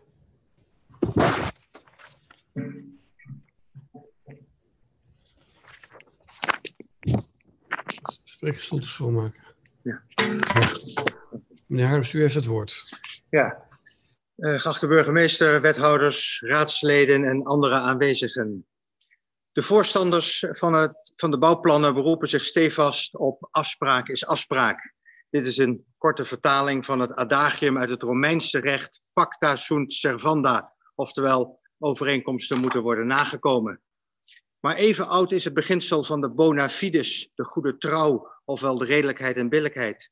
En ook hiervan liggen de wortels in het Romeinse recht. En dit heeft geleid tot de in ons burgerlijk wetboek neergelegde regel dat in geval van omstandigheden die bij het sluiten van de overeenkomst niet waren voorzien, de redelijkheid en billijkheid met zich mee kunnen brengen, dat geen ongewijzigde instandhouding van de overeenkomst kan worden verlangd. De overeenkomst moet dan worden ontbonden of op zijn minst aangepast. Wie zich dus beroept op afspraak is afspraak, moet ook accepteren dat als er inmiddels een nieuwe situatie is ontstaan, de oude afspraak niet zonder meer nog geldt. Het is dus eigenlijk afspraak is afspraak tenzij. En over deze tenzij gaat het. De afspraken waarop de voorstanders van de bouwplannen zich beroepen zijn inmiddels zo'n 20 jaar oud. De wereld zag er toen heel anders uit. Geen kredietcrisis nog, geen stikstofproblematiek en al helemaal geen corona. Is het niet uw taak, dames en heren, om er ook rekenschap van te geven in hoeverre deze en andere recente majeure ontwikkelingen van invloed zijn op de afspraken van 20 jaar geleden? Is het niet uw taak om af te wegen welke bijdrage het oude Tempelbos heeft voor het welzijn en de gezondheid van de bewoners in uw gemeente? Juist nu, met, met de corona-uitbraak, is dat belangrijker dan ooit. Gebleken is dat een hoog fijnstofgehalte in de lucht een nadelig effect heeft op de weerbaarheid tegen corona. Soesterberg ligt ingeklemd tussen de A28 en de N237. Twee belangrijke verkeersaders die verantwoordelijk zijn voor een hoge concentratie fijnstof en ozon in Soesterberg. Beide schadelijk voor de volksgezondheid. Bomen vangen deze luchtvervuiling weg. Vooral grote bomen zijn effectief. Fijnstof wordt letterlijk uit de lucht gefilterd. Midden in Soesterberg hebben we op dit moment nog een prachtig bos met mooie, gezonde en volgroeide bomen. Die voor ons dag en nacht werken aan het zuiveren van de lucht die wij moeten inademen. Dames en heren van de Raad, de huidige tijd vraagt erom, en eigenlijk eist, dat u met alle kennis en inzichten van vandaag opnieuw de afweging maakt of het verantwoord is om dit unieke bos en de positieve effecten daarvan op de gezondheid en het welbevinden van de Soesterbergers op te offeren voor geld. En u zult dan tot de conclusie komen dat dat niet verantwoord is. Want, om onze minister-president Mark Rutte aan te halen, gezondheid gaat boven economie. Het bos heeft ook een belangrijke cultuurhistorische waarde. Binnen de gemeente Soest is het nog het laatst overgebleven vak van de weg der wegen dat geen rigoureuze gedaanteverwisseling heeft ondergaan. En op oude tekeningen staat het bos al sinds in ieder geval 1874, 1847. Eh, en er bestaat zelfs een tekening uit 1821, uit, in dit boek. Um, uit 1821 notabene, waarop te zien is dat het vak voor de helft uit bos bestaat. De vraag is of deze waarden in het thans voorliggende gewijzigde plan afdoende beschermd worden. Het college heeft nu gekozen voor een vergunningenstelsel, maar het toetsingskader ontbreekt getoetst wordt of de natuur, landschaps- en cultuurhistorische waarden niet onevenredig worden aangetast. Hier ontbreekt een uiteenzetting wat die waarden precies zijn. Men mag op zijn minst verwachten dat er een duidelijke omschrijving is opgenomen hoe die toetsing wordt gedaan. En ook het criterium onevenredige aantasting is veel te vaag. Een ander punt van kritiek betreft de eis van een deskundigenadvies bij een vergunningaanvraag. Wat maakt iemand eigenlijk tot deskundige? Het gevaar bestaat dat te gemakkelijk een deskundigenadvies wordt aanvaard zonder dat gewaarborgd is dat de opsteller ook daadwerkelijk verstand van zaken heeft en in staat is een deskundige en onafhankelijke visie te geven. Ik kom tot een afronding. Het gewijzigde plan is een geforceerde poging om het onmogelijke mogelijk te maken.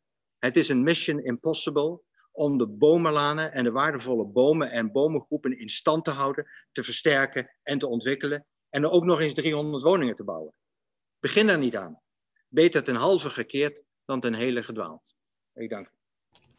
Dank u wel, meneer Harmsen. Ik ga kijken of er vragen aan u zijn vanuit de Raad. Nee, er zijn geen vragen voor u vanuit de Raad. Dank u wel voor uw bijdrage. Dan wil ik meneer Derksen vragen om naar voren te komen. Ik zie dat er iemand onderweg is.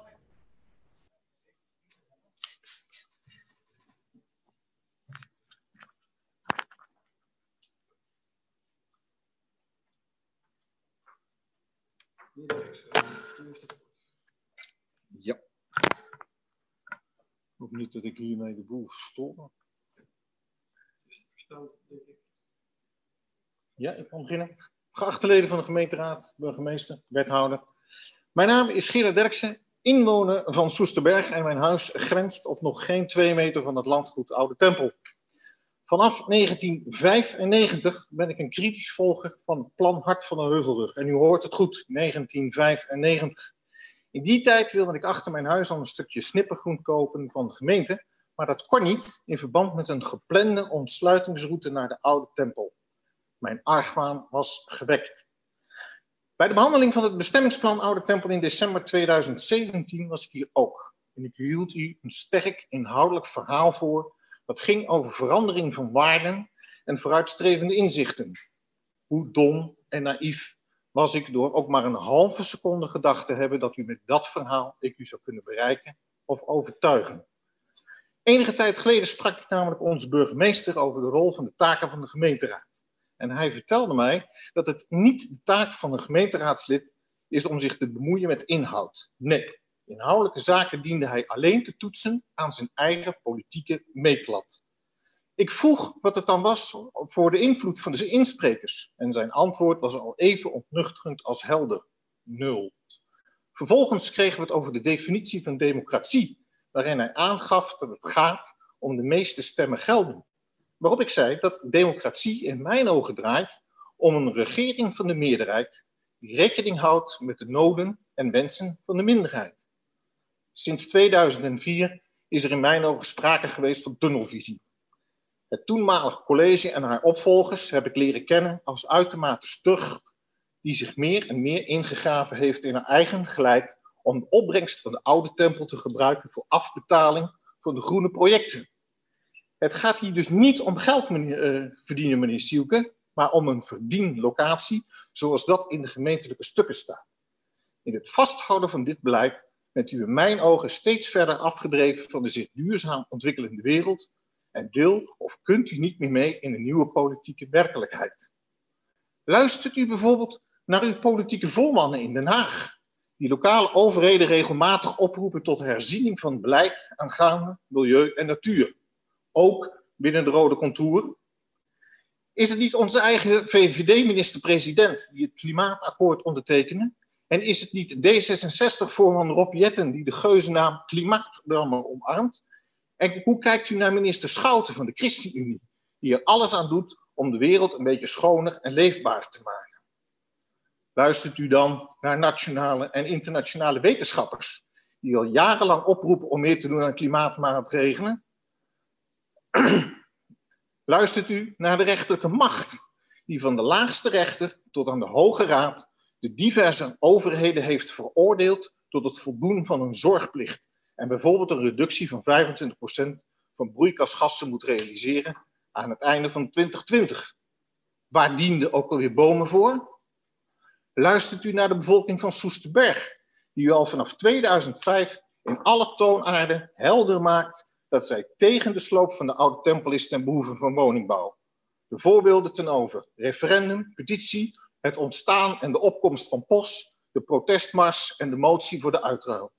Helaas, ik heb u er nog nooit op weten te betrappen. En de vraag dient zich aan naar wie u dan wel luistert. Uw eigen politieke geweten? Als eerste richt ik mij tot de liberalen en de economen. Zoals uit een mail van de fractievoorzitter van GGS blijkt, is het helder dat er niet de maximale opbrengst uit het plan gehaald kan worden. Stelt u dat, eens voor, voor de, stelt u dat u voor dit oneconomische plan stemt, hoe kijkt u dan naar uw kiezer als zij zien dat die maximale opbrengst wel te halen valt uit een alternatief? Ik richt mij tot alle democratische partijen. Waar staat u als het gaat om democratie? Gaat u voor de macht van het getal naar de definitie van onze burgemeester? Of staat u voor de overgrote minderheid, namelijk 90% van de inwoners van Soesterberg? Stel dat u voor dit ondemocratische plan stemt. Hoe kijkt u dan naar uw kiezer? Ik richt mij tot de christelijke partijen, die hun politieke overwegingen baseren op de Bijbel. En van waaruit zij geloven dat zij rentmeester zijn van deze aarde en dat zij deze dienen te behouden, beschermen en ontwikkelen. Niet geheel toevallig ook de opdracht van de Raad van State. Stel dat u stemt voor dit heilloze plan. Hoe kijkt u dan naar uw kiezer die verwacht dat u zich gedraagt volgens de wetten van de opdracht? Ik richt mij tot alle burgerpartijen die de mening van de, van de inwoners van de gemeente Soest hoog in het vaandel hebben staan. Stel dat u stemt voor dit top-down opgelegd plan. Hoe kijkt u dan naar uw kiezer die verwacht dat u degene bent die stem laat doorklinken in de raad? Nog twee groepen. Ik richt mij tot de groene partijen, die zich altijd heel begaan voelen met alles wat met natuur en milieu te maken heeft. Stel dat u voor dit totaal niet duurzame plan stemt. Hoe kijkt u dan naar uw kiezer? Als laatste richt ik mij tot de grootste politieke partij hier aanwezig. Zij vertegenwoordigen zo'n beetje alle voorgaande definities. Liberaal, democratisch, gemeentebelangen en ja, in uw geval zeker, maar dan ook alleen een groen soest. U bent 30 jaar geleden als zaadje geplant, van waaruit nu een flinke boom is gegroeid met zes zijtakken. Stel dat u voor dit rode plan stemt, dat in alles ingaat tegen uw eigen gedachtegoed. Bent u dan niet voorgoed ongeloofwaardig geworden naar uw achterban? Zou uw kiezer dan niet direct uw zorgvuldig uitgegroeide boom willen omkappen en u met wortel en al willen uitvrezen, gelijk zo u wilt met de eeuwenoude bomen aan de oude tempel? Ik wens u een politiek gewetensvolle week toe. Zijn er vragen aan de inspreker? Ja, meneer Silke en meneer Pauw. Eerst meneer Silke. Ja, dank u wel voor uw gloedvolle betoog. U had het over tunnelvisie. Maar hoe moet ik mijn tunnelvisie volgens u zien als wij tegelijkertijd bezig waren en zijn met de realisatie van het masterplan Soesterberg met een nieuw centrum, met de verbouwing van Soesterberg Noord, Richelleweg industrieterrein uh, en de overkluizing van de Amersfoortse weg. Zijn dat allemaal tunnelvisies? Kunt u dat even toelichten? Ja, zeker. Tunnelvisie, alles wat u er nu bij haalt, heeft, heeft met uh, inderdaad het masterplan te maken. Het oude tempelverhaal is daarin nooit opgenomen dan alleen dat het gesloopt moest worden. Daarin, uh, ik zelf zeker, ben inderdaad al vanaf 1995 daarmee bezig.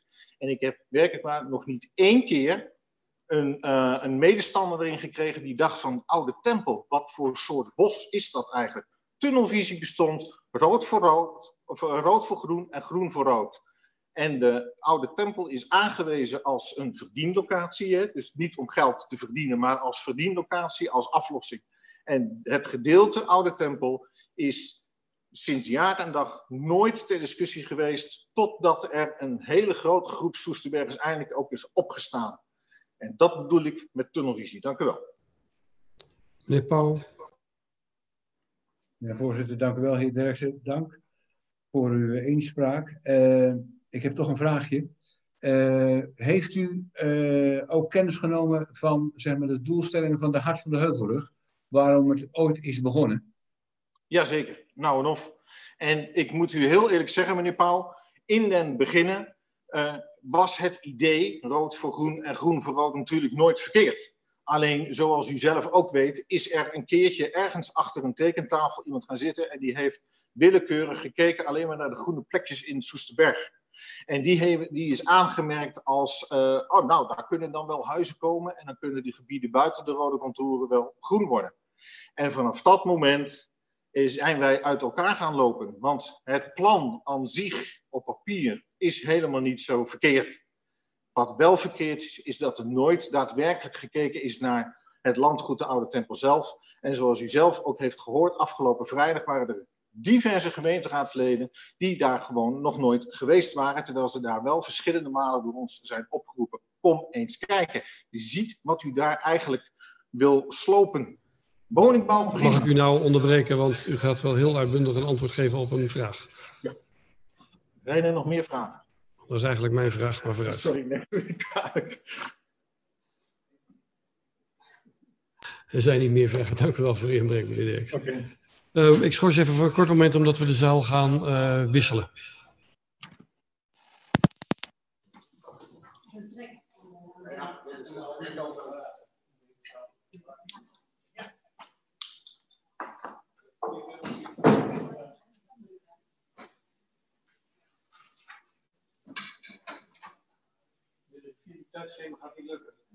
Nee. Nu staat ook niks meer toe. Ja.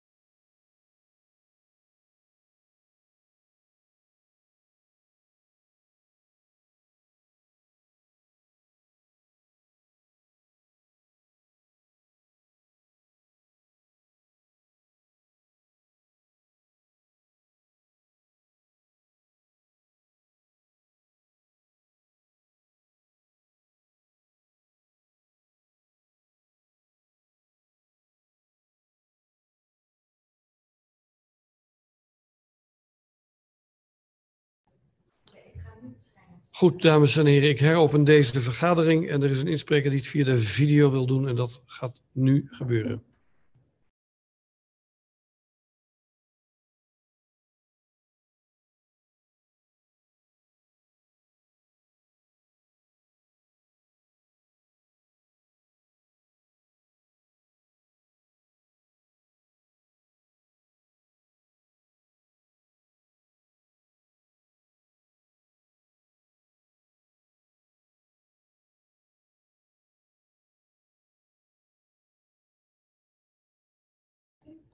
Ja, ik grijp even in, want het geluid komt niet door. Wij horen het hier in de zaal wel, maar dat gaat niet goed. Zo. We gaan even opnieuw beginnen met het filmpje, mevrouw Keijer. Ja, we gaan opnieuw beginnen. Geluid doet het niet, toch?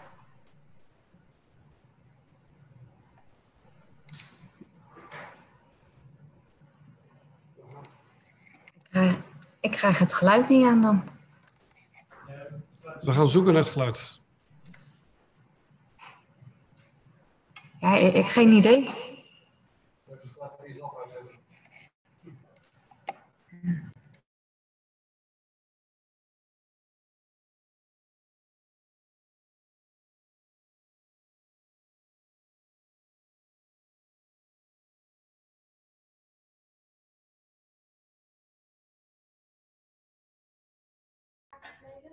Ik stel voor dat wij dit filmpje gaan doorsturen naar de raad, want we liepen al een half uur uit. Uh, het is jammer dat het niet lukt. Het is nu eenmaal de techniek die ons niet helemaal behulpzaam is. Uh, maar omdat we al een half uur uitgelopen zijn, ik krijg het filmpje toegestuurd. Uh, dan kunt u het betrekken. We gaan toch pas volgende week uiteindelijk het gesprek erover met elkaar voeren. Dan zit al klaar. En ik wil in ieder geval degene die nu al in de zaal zitten, die kunnen mij wel gewoon horen. excuus dat we een half uur uitgelopen zijn. We hadden het zorgvuldig getimed, maar vragen van raadsleden vraag ook de nodige tijd. Uh, en ik moest u toch eventjes uh, changeren vanwege de afstanden die we hier in de zaal willen houden en het langs elkaar heen lopen. Dus excuus daarvoor. Dan ga ik graag vragen meneer Scheurkogel om hier bij het spreekgestoelte te komen. Dan gaat daar het geluid aan en mag u uw bijdrage leveren. Ik zal ook even de timer aanzetten. Maar wanneer het uh, kan. Ja? Uh, ik heet iedereen van harte welkom in deze innoverende omgeving. Ik zal even van wal steken.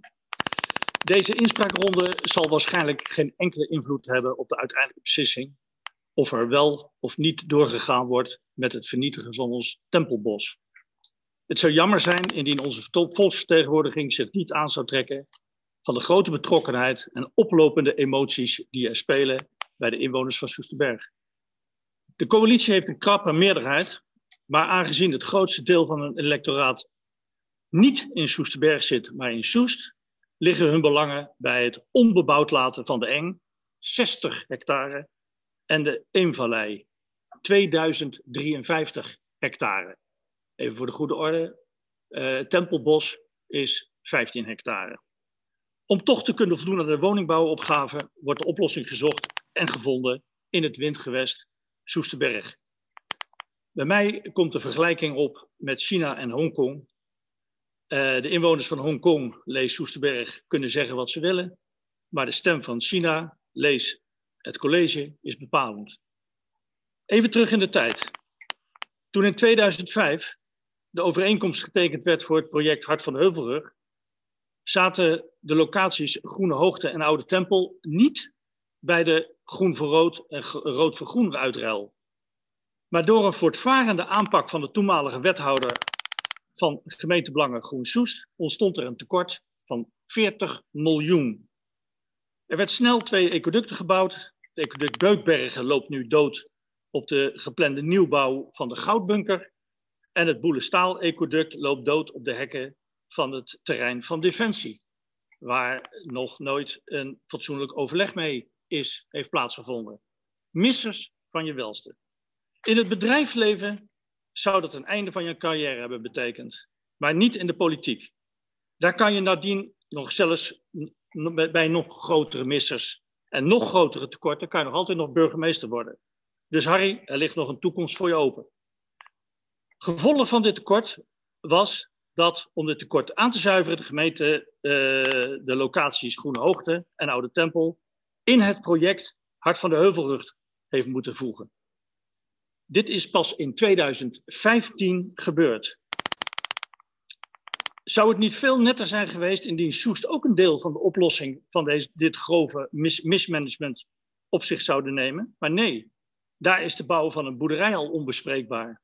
Hoe valt dit te rijmen met de 300 woningen die gepland staan op de Oude Tempel? Tijden, mede onder invloed van corona, veranderen. Niets is meer zoals het vroeger was. En dat zal ook nooit meer zo worden. Hart van de Heuvelrug is een plan uit de prehistorie. Inmiddels is er al jaren groeiende belangstelling en waardering voor de natuur. De uitspraken die de Raad van State in de Urgenda-zaak heeft gedaan. Het rapport van de RIVM uit 2018, waarin staat geschreven hoe de binnenstedelijke park ook op financieel gebied je zou moeten waarderen.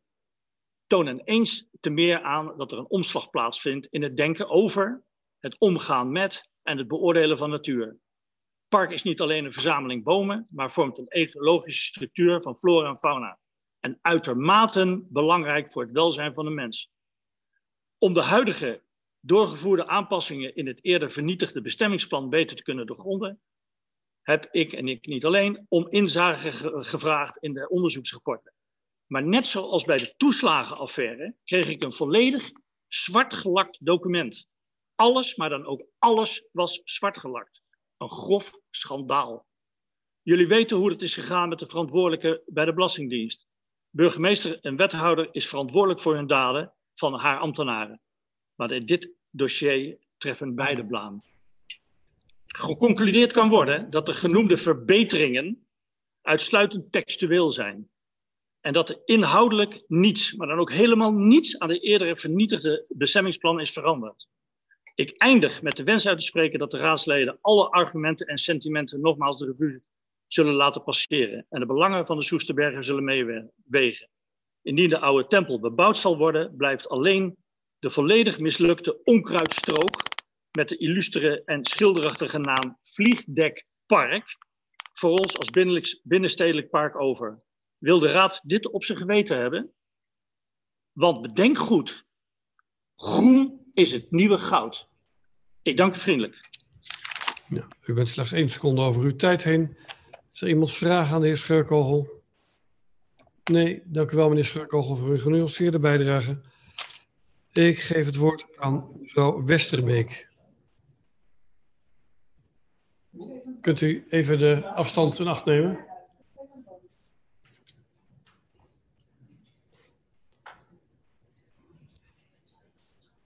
We gaan even het spreekgestoelte schoonmaken. Ja, mevrouw Westerbeek, u heeft het woord. Dank u wel. Ik wil allereerst mijn dankbaarheid uitspreken voor alle raadsleden die afgelopen vrijdag naar de Oude Tempel zijn gekomen en die mee hebben gewandeld door ons prachtige bos. En ik ben blij dat zoveel van jullie de rust en de schoonheid en de stilte van het bos dat er al eeuwen staat zelf hebben kunnen ervaren. Want het lijkt me heel vreemd om ergens over te stemmen waar je nog nooit bent geweest. Ik sprak iemand die op vrijdagmiddag op Google Maps had gekeken om te zien waar dat bos nou precies lag.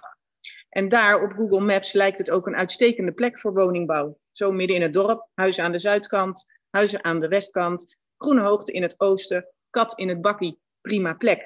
Ehm, maar toch, vanuit Google Maps bekeken is het leven uitgezoomd.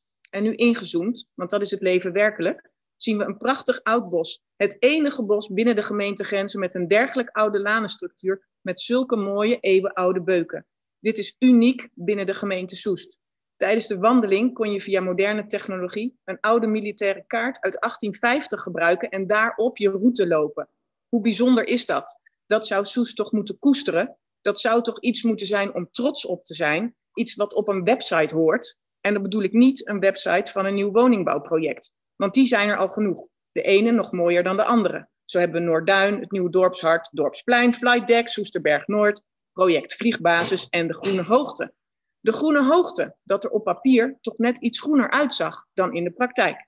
Het enige groen waar de nieuwe bewoners nu nog van kunnen genieten, staat in de oude tempel.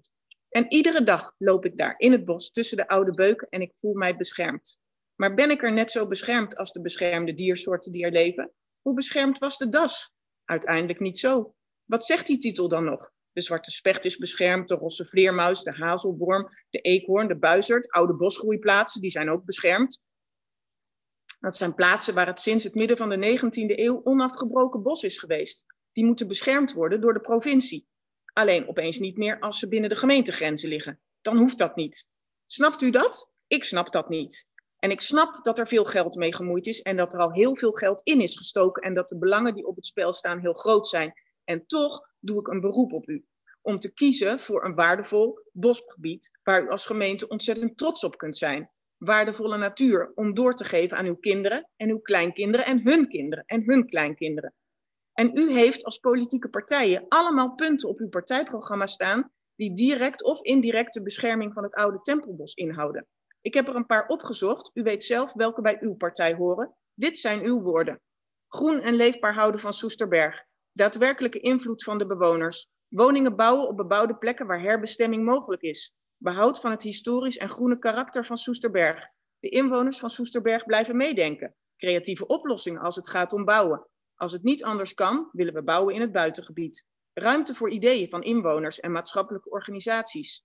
Samen kunnen we zorgen dat Soest is en blijft zoals we dat graag willen. Een levendige woonplaats in een prachtig groene omgeving. Soest en Soesterberg hebben een bevoorrechte ligging te midden van schitterende natuur. Een gebied waar we zorgvuldig mee om moeten gaan. En dat geldt niet alleen voor de gebieden rondom Soest, maar ook voor de groene longen binnen de bebouwde kom. Wij vinden het ongewenst om alle groene longen te bebouwen. Als de mogelijkheden binnen de rode contouren zijn uitgeput, kan worden gekeken naar bouwlocaties daarbuiten. Binnen de bebouwde kom is openbaar groen van belang voor iedereen en zeker voor kinderen. De positieve effecten van groen op onze gezondheid zijn bewezen. Mensen met een groene woonomgeving voelen zich gezonder. Een strategie wordt opgesteld om de omgeving zo in te richten dat die bestand is tegen de effecten van klimaatverandering. Soest is een aantrekkelijke gemeente om te wonen, rijk aan natuurschoon. Dat moet vooral zo blijven. Natuur is ons veel waard. Natuur is kwetsbaar en kan niet voor zichzelf spreken.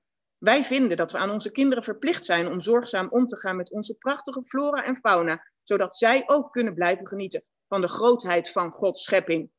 De afgelopen jaren is het kapbeleid veranderd en dat heeft in veel gevallen tot gevolg gehad dat er veel groen is verdwenen. Bomen zijn echter van vitaal belang voor onze leefomgeving en voor ons leven. Wij staan voor een duurzame groene leefomgeving. Dat doen we in overleg met inwoners van de gemeente die zich inzetten voor die duurzame groene leefomgeving. Wij staan voor ontwikkeling van de gemeente met respect voor het kenmerkende dorpskarakter, het cultuurhistorische landschap en de natuurwaarde daarvan. Bescherming en ontwikkeling van het unieke groene karakter van Soest en Soesterberg zijn van belang voor onze huidige inwoners en de generaties na ons. Wij zijn tegen ondoordachte woningbouw op waardevolle plekken als de Oude Tempel, de Eng en de Eempolder, terwijl er genoeg andere ruimte is binnen de gemeente. Betaalbare huur- en koopwoningen kunnen eenvoudig binnen de dorpskernen gerealiseerd worden en het is niet nodig daarvoor waardevolle natuur op te offeren. De natuur verdient onze bescherming. Het is een van de redenen dat Soest een geliefde plek is zich hier te vestigen. Wij zijn meer dan zuinig op de natuur en het prachtige landschap dat Soest zo aantrekkelijk maakt. U heeft nog 30 Wauw. seconden. Daar word ik stil van. Net zo stil als u werd tijdens de wandeling vorige week. En het is nog niet te laat. Luister naar de woorden uit uw eigen partijprogramma's en luister naar uw geweten. Maar- Luister naar de burger van Soesterberg die een beroep op u doet. En als u het dan nog niet helemaal zeker weet, komt u dan deze week nog een keertje wandelen en luister naar de stilte. Luister naar de vogels, luister naar het gezoem van de hommels en de bijen. Luister naar het ruisen van de wind tussen de eeuwenoude bomen en luister naar het getik van de zwarte specht. Maar vooral luister naar uw hart. Dank u wel. Dank u wel, mevrouw Westerbeek. Het was bijna binnen de tijd. Mevrouw Knoops. Oh, sorry, ik vergeet of er vragen zijn. Neem me niet kwalijk, ik heb last van mijn oogontsteking. Ik zie af en toe wat wazig. Zijn er vragen aan mevrouw Westerbeek? Ja, meneer Pauw. Ja, voorzitter. Eh, mevrouw Westerbeek, hartelijk dank voor uw inbreng. Waar ik benieuwd naar ben, u heeft alle eh, waarschijnlijk eh, partijprogramma's doorgelezen. Heeft u daar ook kunnen lezen dat zij voor het masterplan Soesterberg waren en Hart van de Heuvelrug uit te voeren? Eh, ja, dat heb ik ook gelezen. Maar dit staat heel duidelijk in alle partijprogramma's. En het enige wat ik wilde doen, ik weet best waar u voor bent, ik weet best waar u voor hebt gestemd. En u weet ook best waar ik tegen ben. En ik wil u alleen maar laten zien wat er allemaal in uw partijprogramma staat. En dit, wat ik nu hier heb voorgelezen, dat heeft u, uw partijen hebben dit allemaal op papier gezet. En dit is wat ik vind en wat met mij al die mensen die hier vandaag zijn vinden. En wat heel veel inwoners van Soesterberg vinden. En hier staat, behoud het oude Tempelbos, zoek naar een andere oplossing. Dank u wel, mevrouw Westerbeek. Zijn er nog meer vragen? Nee. Dan vraag ik of mevrouw Knoops nu echt naar de microfoon wil komen. Spreekgestoel voor u schoonmaken. En dan gaat de galm er even uit.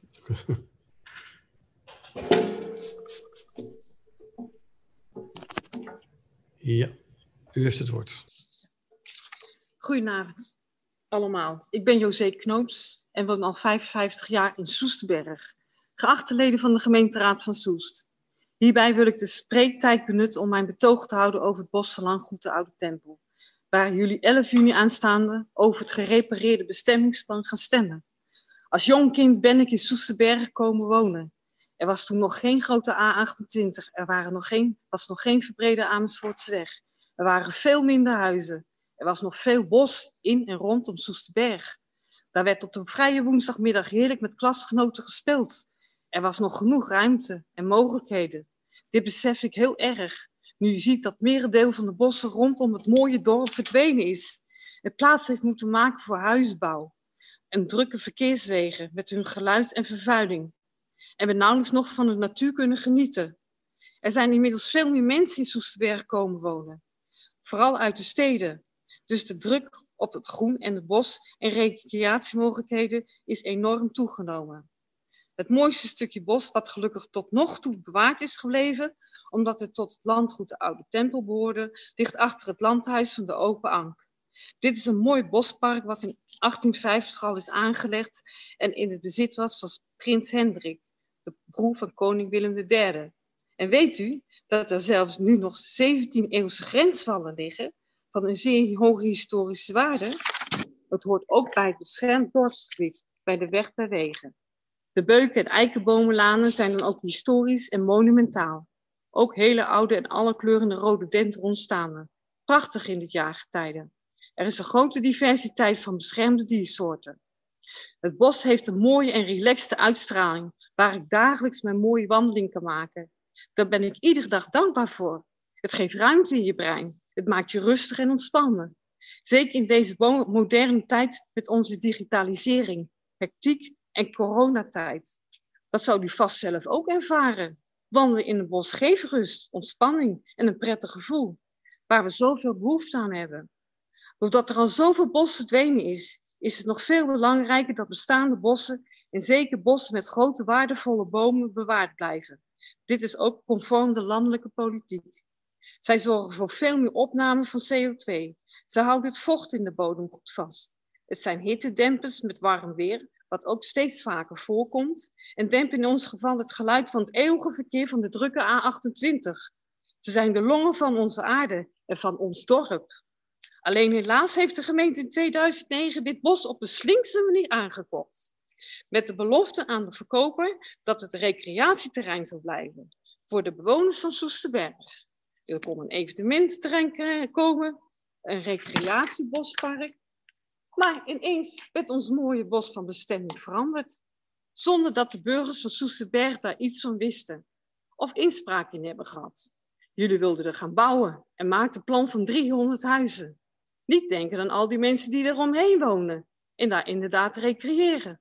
Het plan van groen voor rood werd ingebracht. Natuur moest verdwijnen. Het kon toch niet de opzet zijn, maar de dure ecoducten werden groen en dit plan moest toch ergens uit betaald worden. Nou, dan gaan we toch huizen bouwen, want geld op, wat geld oplevert en dan de bestaande bossen kappen. Snapt u het nog? Er is hier zelfs een referendum over geweest in 2005 onder de inwoners van Soest. 90% van de bewoners uit Soesterberg was er tegen. Maar met de telling, met de Soester inwoners erbij, waren de bewoners van Soesterberg net in de minderheid. Nogal logisch, want heel veel mensen uit Soest kennen het dorp Soesterberg helemaal niet. Hierdoor moesten de bewoners uit Soesterberg het onderspit delven, terwijl de meerderheid er tegen was. erg ondemocratisch. Het ging immers om onze leefomgeving en niet om de Soestenaren. Toen het project Groen voor Rood werd doorgeduwd, ging het mis met het groen. Veel bos werd gekapt en nu zit de gemeente en de provincie ook nog met een financiële erfenis uit die periode. En daar moet onze parel nu voor gaan wijken? Het laatste stukje mooi groen precies de berg moet kost wat kost behouden worden. Daarom is ook op het eerste bestemmingsplan van 300 huizen in 2016 veel, veel kritiek gekomen. Zelfs is er een politieke partij voor opgericht, Partij Ons en hebben omwonenden van deze mooi parelgerechte proces ingezet om het plan te toetsen. De Raad van State heeft het plan afgekeurd en vernietigd. Dat betekent dat er weer een geheel nieuw plan moet komen. Er werd een actiecomité opgericht voor het behoud van het landgoed de Oude Tempel met heel veel leden. Zij wilden met de gemeente in contact komen en vroegen stukken op onder de noemer van wet openbaar bestuur. Daar werd niet of nauwelijks hoor aan gegeven. En passages in rapporten telkens zwart gelakt ontvangen. Het is knokken tegen de bierkaai, zoals men dat in Soesterberg zegt. Transparantie en contacten bleven helaas uit. Heel ondemocratisch gaat u nu met de verkorte procedure in corona- en crisistijd over tweede gerepareerde bestemmingsplan stemmen. Waarvan nog maar de vraag is of het de gerechtelijke procedure vindt. Uh, Rond u in, af ongeveer, mevrouw? Ja.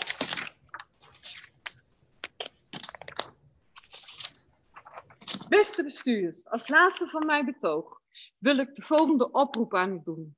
Ik snap dat de motie die 11 juni in stemming wordt gebracht over het oude Tempelbos om budgettaire redenen noodzakelijk is.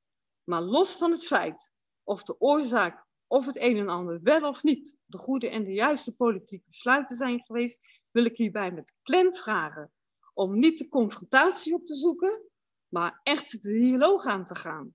Om samen naar een goede, passende oplossing te zoeken, waarbij het fijn zal zijn als wethouder Koendiep en onze burgervader, de heer Robmets, naast mij, overigens zelfs woonachtig in Soesterberg, regelmatig bij dat overleg aanwezig zullen zijn.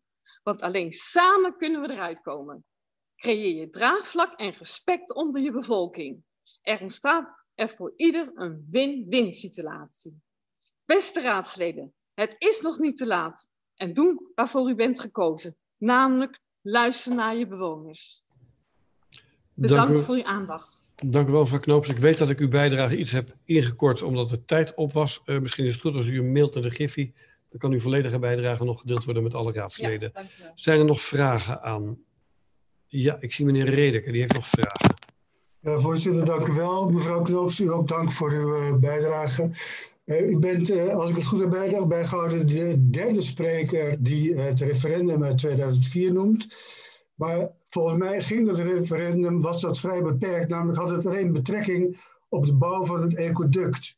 Uh, en niet op alle brede, de veel bredere plannen die we hebben gehad rond Soesterberg. Uh, klopt dat in uw opvatting?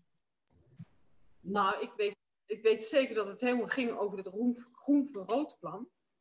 En die ecoducten zou dan het groen worden. Dat werd gezegd. En dan kon er op andere locatie groen weggehaald worden om rood te maken. En dat was dus die huizenbouw. En met, die, met dat geld van die huizen, dan konden ze dus die ecoducten betalen en nog wat grond aankopen in de gemeente. Zo is het bij mij overgekomen. Maar ik denk dat het allemaal nog terug te vinden is. Ja, ik denk dat het ook goed is dat we die, ik had het voor mezelf al opgeschreven, dat deze praktische punten kunnen, kan inderdaad uh, verduidelijkt worden over hoe het nou precies uh, rondom een aantal feiten en dingen zit die de inbrekers hebben ingebracht. Dus u okay. bijdrage. Als er niet verder nog vragen zijn. Nee, er zijn geen vragen meer. Dank u wel. Okay. Meneer Baarslag. Ja, die rent nu op bijna anderhalve meter afstand, zal ik maar zeggen. Eigenlijk moet hij wel buitenom lopen, want anders loopt hij langs. Nou, dan loopt hij niet meer door. Moet er toch een beetje kritisch zijn. Dank u wel. Meneer Baarslag, u heeft het woord. Um, geachte raadsleden, um, ik ben uh, Henk Baarslag, ik ben bewoner aan de Oude Tempel aan 18, woonachtig in een gemeentemonument. En ik ben direct belanghebbende natuurlijk bij uh, de Oude Tempel. En natuurlijk wil ik het graag een bos houden. Maar, en ik zal een heel praktisch verhaal houden. Mocht het ooit toch woningbouw worden, dan zijn er belangrijke items en voorwaarden waaraan de bebouwing en de wijk moet uh, voldoen. Um, dat zijn natuur, behoud van het dorpsgezicht en de veiligheid. Wat de natuur betreft, dat dient de lanenstructuur met de oude beuken dient behouden te worden. Ten behoeve van de aanwezige prachtige flora en fauna. Er moet langs de oude tempelaan zeker minstens 20 meter een groene strook worden gemaakt om ook het dorpsgezicht behouden te laten blijven. Voor het behoud van het dorpsgezicht moeten geen sociale huurwoningen langs de oude tempelaan komen, maar lommerrijke huizen uh, die passen in het dorpsgezicht. Dat betekent ook geen schuttingen langs de weg. Het moet geen verkapte huttenbouwdorp worden. Want daar ben ik wel bang voor als ik uit mijn raam kijk. Hogere gebouwen graag centraal in de wijk en niet aan de rand. Dan ook belangrijk de veiligheid. Want die is van belang voor zowel wijkbewoners als bewoners van de Oude Tempelaan. Er moet een directe aansluiting richting Richellelaan, richting de A28 komen. Het werkverkeer moet namelijk snel uit de wijk kunnen vertrekken naar de A28, naar Soest, naar Amersfoort. En voor de veiligheid is het ook van belang dat brandweer, ambulances enzovoort meteen in de wijk kunnen komen. En daardoor is een, een aansluiting met de Richelleweg aan de noordkant van belang. Aan de Oude Tempelaan moeten de toegangswegen of uitgangswegen niet in het midden van de Oude Tempelaan terechtkomen, maar aan het begin en aan het eind. Aansluitend bijvoorbeeld aan de Kamerling Onneslaan en dicht bij de Oude Tempel.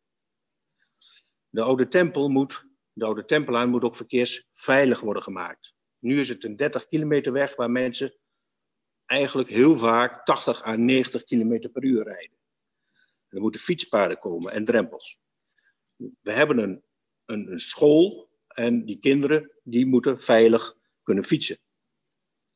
Ten slotte nog wil ik de Raad nog eens erop wijzen dat door de komst van de wijk en nieuwe bewoners ook de infrastructuur in de wijk, maar ook in Soesterberg moet worden verbeterd.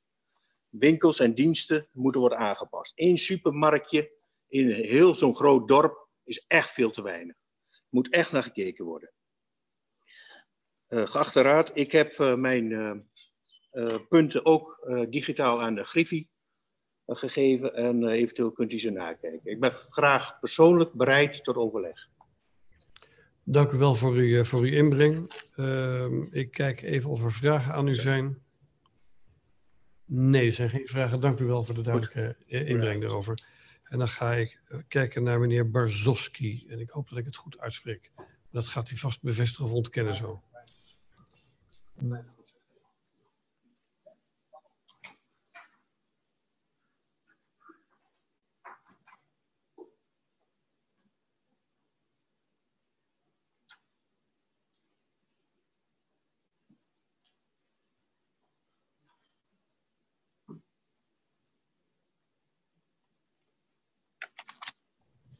Meneer Bozowski, of misschien een beter uitgesproken naam, maar u heeft het woord. Ja, dat was wel, was wel goed.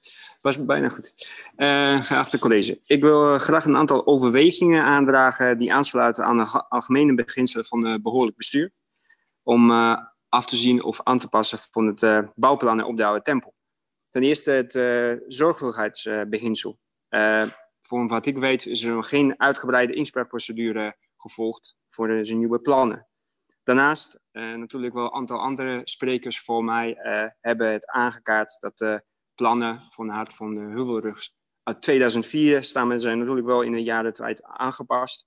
Er werd ook wel eerder al gezegd uh, en gevraagd of we niet alle rekening willen houden met de klimaatveranderingen en alle andere veranderingen en problematiek die wij nu te maken hebben. Dat is niet zo, want pas in 2012 de Algemene Rekenkamer heeft de regering op gewezen dat er eigenlijk heel weinig rekening wil houden met klimaatverandering en mogelijke risico's daarvan. Toenmalige uh, staatssecretaris Mansveld heeft dat toegezegd om daar naar te kijken. Dat was pas acht jaar later. Daarna, daarnaast heeft de college natuurlijk discretionaire bevoegdheid. De Raad van State heeft in 2019 in het beroep tegen de bestemmingsplannen geoordeeld dat de bomen die staan op de oude tempel cultureel, eh, historische en, en van maatschappelijke waarde zijn. Daar zijn de plannen aangepast om zoveel mogelijk bomen te behouden. Alsnog worden wel wat bomen gekapt. En hoe ziet het college het bouw uh, van woningen en het alle zware materiaal die daar zich tussen moet bewegen om die bomen te beschermen? Verder, wat ook gezien was bij de groene hoogte, op het moment dat de bomen gekapt worden, wordt het uh, milieu en, en, en, en die gebied daar gewoon aangetast, waardoor ook vaak andere bomen uh, omvallen en andere bomen gekapt moeten worden. Verder, als je kijkt uh, naar andere gebieden, misschien is het jammer dat Oude Tempel niet tot de gemeente Baren behoort. Want als je kijkt naar Paleis, Paleis waar ook bomen van de culturele, landschappelijke en historische waarde staan, mag er niet gekapt worden en mag, mogen ook geen woningen gebouwd worden. Jammer dat wij Oude Tempel misschien niet naar die andere gemeente verplaatsen kunnen. Daarnaast evenredigheidsbeginselen, volgens mij, zijn voor de uh, inwoners uh, uh, die aan, aan het gebied wonen, niet, ja, de nieuwe woonwijk is eigenlijk niet evenrediger in het belang van de omwonenden. wij ondervinden, en we gaan waarschijnlijk daar ondervinden, veel nadelen van. Er zijn heel erg veel dingen ook benoemd, zoals gezondheidsbeperkingen, veel minder groen. Oude Tempel is eigenlijk, zou je kunnen zeggen, de enige overgebleven groen, echte groen van het dorp. En als het eenmaal weg is, is het echt weg. Er zijn vast wel, wel andere plekken die, uh, uh, waar uh, woonbouw plaats zou kunnen vinden. Dus ik roep de college om rekening en waarde te hechten aan het belang en behoud van de bomen en het serieus nemen van bezwaren van de omwonenden en inwoners van Susterberg. Dank wel. Dank u wel, meneer Bozowski. Blijft u vooral even staan, want ik ga even inventariseren of er nog vragen aan u zijn. Nee, ik zie geen handen omhoog. Dank u voor uw bijdrage. Dan vraag ik de heer Van Blarik.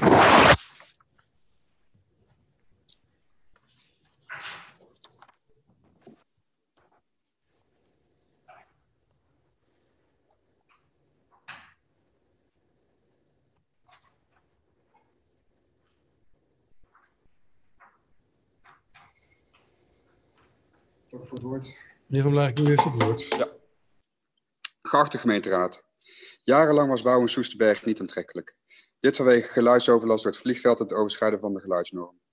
Nu de luchtmaartbasis gesloten is, wordt er, wordt er druk gebouwd en worden plannen gemaakt voor verdere nieuwbouwprojecten. Natuurlijk begrijpen ook wij Soesterbergers dat de woningnood is en dat het blanco canvas dat Soesterberg biedt, uh, daar mogelijkheden toe biedt. Zoveel mogelijk bouwen lijkt het devies, om de begrotingstekorten van het geld dat elders uitgegeven is op te vullen. Soes heeft een masterplan en Soesterberg is de ideale cash. Daarmee wordt de kloof tussen Soest en Soesterberg groter en groter. Wij voelen ons een melkkoe waar roofbouw op wordt gepleegd. En ik zal u uitleggen waarom. Soest telt ruim 46.000 inwoners. Soesterberg iets meer dan 6.000. Wij zijn ruim zeven keer zo klein. Dat betekent dat de politiek in Soesterberg vrij spel heeft. Impopulaire maatregelen in Soesterberg kunnen makkelijk worden genomen, want in ons democratisch systeem is het verliezen van hooguit een paar stemmen een speldenprik. Dat maakt ons vogelvrij. Het doet me deugd dat een deel van de gemeenteraad eindelijk is gaan kijken naar de oude, tempel en zich heeft verdiept in wat er op het spel staat. Stelt u zich eens voor dat er plannen zouden liggen om de Soesterduinen vol te bouwen. Soest zou ontploffen en Soestenaren zouden op hun achterste benen staan. Geen enkele partij zou zich daaraan durven wagen. En dat is precies wat er nu bij ons gebeurt. Onze Soesterduinen staan op het punt te worden afgepakt. Eeuwzonde van de natuur, dat sowieso. Maar ik reken erop dat andere sprekers u daar vanavond van overtuigen. Waar ik uh, op in wil gaan, dat was mijn gevoel, zijn de feiten. Um, en dat is met name de verkeersdruk en de modellen die daarvoor worden gebruikt of misbruikt. Om um, recht te rekenen wat krom is. Er zijn vier gebieden die momenteel worden bebouwd. Of plannen worden gemaakt om te bouwen die hemelsbreed slechts 300 meter van elkaar liggen. Dat zijn Den Berg, nieuwbouwappartementen in de dorpsstad van Soesterberg. Geplande nieuwbouw aan de Banningstraat, dat zijn ongeveer circa 60 woningen. Uh, het bouwen van een verzorgingsflat op de Open Ank aan de Oude Tem Tempelaan, naast het landgoed de Oude Tempel. En het bebouwen van de Oude Tempel zelf met 300 woningen. Al deze projecten worden ontsloten via de kruising Banningstraat en Oude Tempelaan.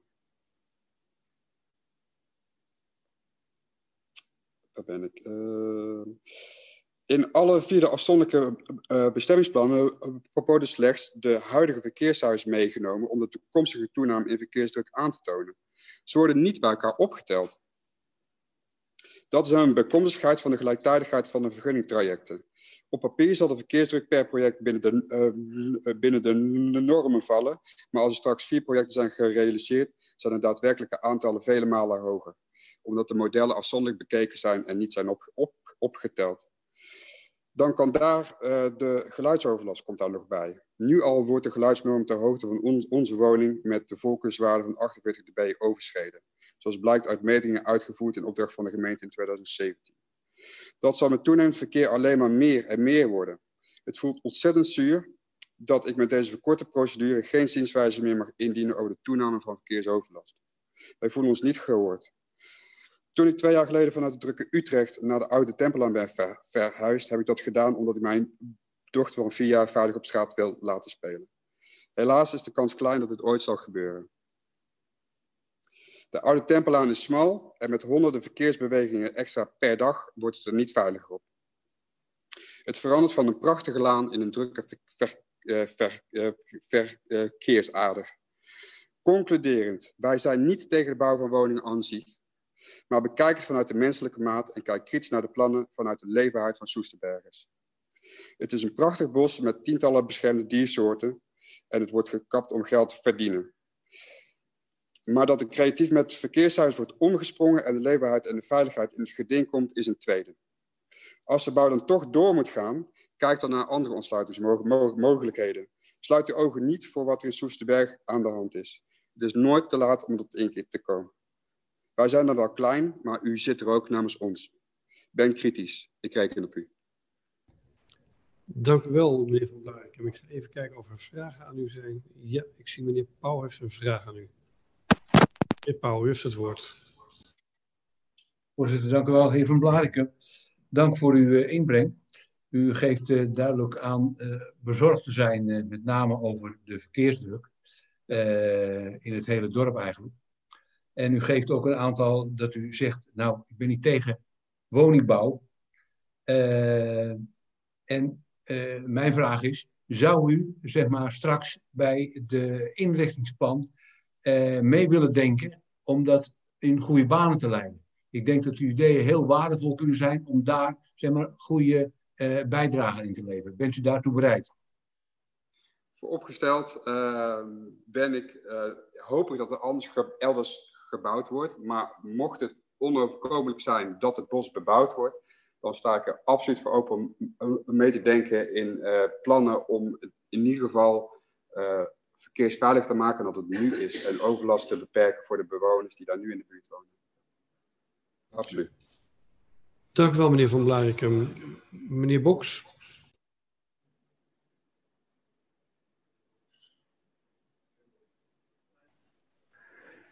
Ja, meneer Van Blarikum, dank voor uw uh, inbreng. Um, uh, ik heb niet zozeer een vraag aan u als wel een opmerking uh, richting de voorzitter, die aangaf dat een aantal feiten die genoemd werden, in andere bijdragen ook, dat die nog even gecheckt worden om die neer te zetten. Ik zou daarbij aan willen toevoegen uw uh, opmerking over het niet mogelijk uh, zijn van het indienen van zienswijzen waar het gaat om verkeer en geluid. Want naar mijn mening zijn dat nou precies twee van de drie onderwerpen waarop het plan is aangepast. En in mijn optiek zou het u openstaan om juist daarover wel zienswijzen in te dienen.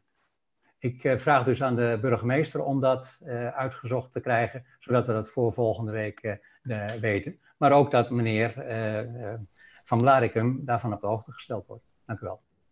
Ik zal zorgen dat meneer Van Blarikum van de procedure op de hoogte gebracht wordt, uiteraard een afschrift aan de Raad. Dank u wel. Dank u wel voor uw bijdrage.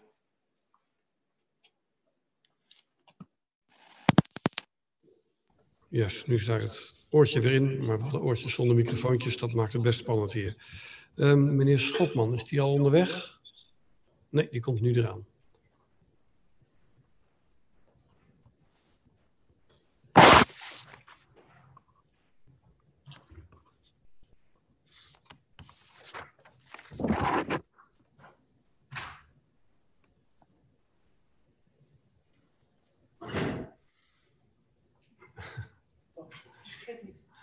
Staat iemand keurig om de deur open te houden, maar de grote deur is mooier dan de kleine deur. U kunt het achter de rug van de griffier zien gebeuren. Um, meneer Stoltman, u heeft het woord. Uh, ja, goedenavond, uh, geachte leden van de Raad. Uh, mijn naam is Tom Schotman en ik ben sinds negen jaar woonachtig in Soesterberg. Graag wend ik mij tot u om mijn bezorgdheid over de ontwikkelingen omtrent de Oude Tempel met u te delen. Een bezorgdheid waarvan ik weet dat die breed leeft in de samenleving van Soesterberg. Toen ik zo'n negen jaar geleden in Soesterberg kwam wonen, was ik trots en verheugd om in zo'n groene omgeving te komen wonen. Ik woonde hier al in de buurt, in Baren en ook in Soest. En Soesterberg was voor mij uh, ja, echt een groene omgeving. Uh, dat is dus het beeld dat ik had van Soesterberg. Maar is de afgelopen jaren veel veranderd. Soms ten goede, maar vaak ook niet. Soesterberg is aan het veranderen, wat ik noem, in een betontegel. Rondom omsloten door snelweg en 80 kilometer wegen. In toenemende mate ontdaan van groen, ontdaan van openbare ruimte voor bijvoorbeeld evenementen en groenvoorzieningen, zoals parken, die ontbreken. De al schaarse openbare ruimte is de afgelopen jaren in rap tempo volgebouwd en daarmee voor gebruik door de samenleving onttrokken. Een sprekend voorbeeld is het terrein van de ijsbaan, dat ondertussen ook volledig wordt volgebouwd. Op dit moment is er nog één kans voor Soesterberg om haar eens zo groene karakter te behouden. Of in ieder geval enigszins te kunnen behouden. En dat is door het bosgebied de oude tempel te behouden. Een groene oase in een steeds dichter bebouwde omgeving. In een tijd waarin klimaat, stikstofproblematiek en het belang van natuur zo belangrijk zijn, dreigt een enorme fout gemaakt te worden door dit bosgebied, al zo'n 200 jaar bos, te vernietigen. Een fout die eens gemaakt niet meer te herstellen is. In de nota van wijzigingen wordt nu gerefereerd aan een natuurinclusieve wijk en aan het in stand houden van landschappelijke en cultuurhistorische waarden. Kijkend naar de verbeelding van het bestemmingsplan zie ik eigenlijk maar één ding. Een eeuwenoud bos dat vrijwel volledig wordt gekapt. Kijkend naar de al gerealiseerde bouwprojecten, zoals de genoemde Groene Hoogte, ook wel bekend als de Groene Leegte, geven mij weinig vertrouwen in het creëren van een zogenoemd natuurinclusieve wijk. In de stukken die ik heb nageslagen en ook in de stukken die voor deze opinierende raadsvergadering zijn gedeeld, wordt gesproken over het betrekken van de Soesterbergse samenleving bij de totstandkoming en invulling van de plannen. Mijn eigen ervaring en de ervaringen die ik heb gehoord van veel andere Soesterbergers zijn helaas heel anders. Informeren lijkt te worden verward met betrekken. Het feit dat er nu aangestuurd wordt op een verkorte procedure om het vernietigde bestemmingsplan met wat reparatiepunten alsnog goed te keuren, onderbouwt dit eens te meer. De inwoners van Soesterberg worden op deze manier, mijns inziens, buitenspel gezet. Het is overduidelijk dat het in de Soesterbergse samenleving ontbreekt aan draagvlak voor de bouwplannen op de Oude Tempel. Er wordt nu alsnog geprobeerd een vernietigd bestemmingsplan met enkele reparatiepunten er alsnog snel doorheen te krijgen. Ik vraag u dan ook de belangen en de wensen van de inwoners van Soesterberg serieus te nemen en ik vraag u te zoeken naar alternatieven voor woningbouw op de Oude Tempel. Waarbij het beperkt overgebleven groen binnen de grenzen van Soesterberg wordt ontzien. Ik verzoek u tevens af te zien van een verkorte procedure, zodat dit bestemmingsplan in ieder geval zorgvuldig kan worden getoetst. Mocht woningbouw op de Oude Tempel echt noodzakelijk en niet af te wenden zijn, dan vraag ik u te overwegen aanzienlijk meer natuur te behouden dan in de huidige plannen is voorzien. Ik dank u voor uw tijd. Dank u wel voor uw inbreng, ruim binnen de vijf minuten. Uh, ik kijk of er vragen zijn. Ja, ik zie een tweetal handen omhoog gaan. Uh, eerst meneer De Ruit. Ja, dank uh, voorzitter. Dank ook meneer Schopman voor, voor uw verhaal. U refereert aan de groene hoogte, die u een andere kwalificatie meegeeft. Ehm, wat is er dan op de groene hoogte gebeurd?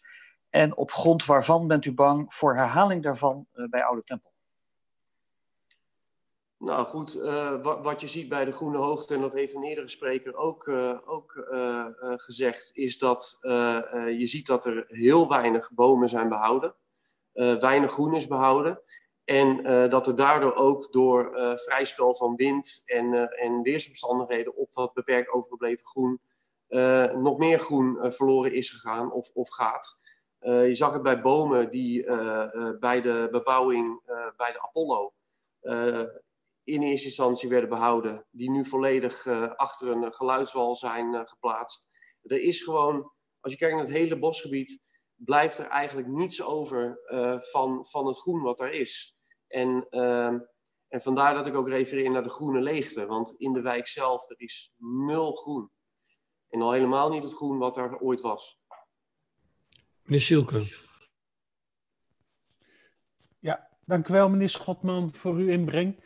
Um, u stelde dat um, er um, uh, te weinig, uh, weinig uh, geen draagvlak is voor dit plan in Soesterberg. waarom baseert u deze stelling? Nou ja, dat baseer ik allereerst op mijn ervaringen met de bijeenkomsten die zijn, trouwens bij alle bijeenkomsten die zijn georganiseerd door de gemeente. In ieder geval, vanaf dat ik erbij ben geweest, dat is denk ik in 2016 geweest. Ik weet nog op de startbaan was een, eh, een, een, avond. En daarom zeg ik ook, de gemeente lijkt informeren te verwarren met betrekken. Want wat daar werd gepresenteerd, was eigenlijk alles was al volledig uitgewerkt. En de, het werd zo gebracht van, nou, u kunt in groepjes kunt u gaan rondkijken. En tada, dit is het. En ehm, waarna mensen werden geconfronteerd met uitgewerkte plannen ontsluitingswegen op, op plekken die, die nou ja, goed. Dus er werden allerlei, ze werden geconfronteerd met voldongen feiten. En dat is ook waarom ik zeg, informeren in plaats van betrekken. Als het al informeren was.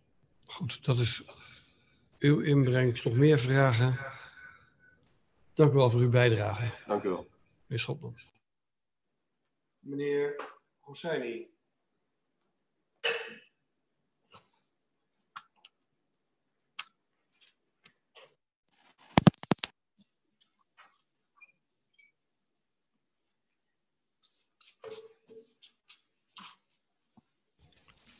Volgens mij is het nog nooit zo vaak schoongemaakt als vanavond. Het kan de afgelopen tien jaar weer tegenaan. Meneer Hussein, u heeft het woord. Goedenavond. Allereerst mijn dank dat we onze mening mogen uiten hier. Raadsleden, de burgemeester en wethouder. Uh, ik ga in tegenstelling tot uh, heel veel andere uh, spraken niet houden over de emotionele kant van het verhaal. Dat is al emotioneel genoeg om s'morgens niet meer hard te kunnen lopen in het bos, maar uh, op, de, op de asfalt. Um, ik ga het hebben over uh, drie kleine onderwerpen. Uh, allereerst de verkeersdrukte, verkeersveiligheid en geluidsoverlast. op de bestemmingsplan, de website voor de bestemmingsplan, staan meerdere rapporten. Er zijn uitgebreid onderzoeken uitgevoerd. En daarin zie ik een aantal belangrijke fouten uh, die uh, toch wel een uh, behoorlijke nadruk kan hebben op de diverse aspecten die ik heb genoemd. verkeersdrukte, daarin wordt het project voor het zorgcomplex aan het begin van de oude Templaan, die wordt volledig daarin niet genoemd. je moet zich voorstellen als heel veel woningen komen voor, voor ouderen, dat trekt ook heel veel taxivervoer, ziekenvervoer, uh, medewerkers, fysiotherapeuten, verplegers, etc. naar uh, Oude Tempel aan toe. Dat zal ervoor zorgen dat het aantal verkeer wat in het onderzoeksrapport staat, dat het niet klopt. Het zal veel meer worden. ook overigens jammer dat de, de, ouderen straks niet meer in het bos kunnen wandelen, maar moeten ze op, de, op fietspad doen. Uh, de verkeersveiligheid, uh, dat wordt uh, heel erg onderschat. Oud-Tempelaan is een smalle straat. Er staan heel veel mooie, mooie bomen aan de, aan de kant. En die kunnen we niet gaan, niet gaan kappen straks om de weg zeg maar, te verbreden. dan wordt het heel erg lastig om aan beide kanten fietspaden te, aan te leggen. Zodat de kinderen straks veilig kunnen fietsen. de ouderen veilig kunnen fietsen. Er is ook een basisschool waar heel veel kinderen, straks mijn dochter ook heen, heen moet En ehm, ja, die moet ik dan straks met de auto gaan brengen. Dus dat wordt nog meer verkeersdrukte en uh, onplezierig gevoel. Eigenlijk net of je in de binnenstad van Utrecht uh, aan het wonen bent. Dus dat zal al met al zorg dragen dat verkeersveiligheid heel slecht gaat worden.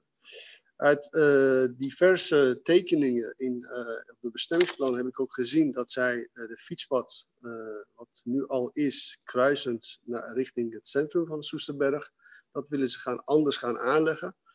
Met als gevolg dat Oud-Tempelaan direct aansluit op de rotonde. Um, dat zal naar mijn mening, ik, heb, ik heb, ben geen onderzoeker, maar dat zal naar mijn mening ook ervoor kunnen zorgen dat er straks heel veel verkeer direct uh, de oude Tempelaan opgaat om vervolgens naar Richelleweg of de andere kant van Soesterberg uh, te kunnen komen. Dus het aantal wat uh, op dit moment in het rapport staat, van 6500 per etmaal, dat zal vele malen hoger worden. Ik schat het naar 8.000 tot 10.000 per dag.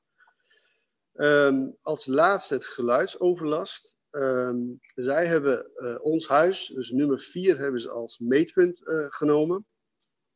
En ze verwachten dat het geluidsoverlast met steeds, slechts 2 decibel zal stijgen. Dat, dat lijkt me sterk. Als je zoveel stijgende verkeer hebt, dat je maar 2, 2 decibel uh, geluidsoverlast, uh, stijging hebt in de geluidsoverlast.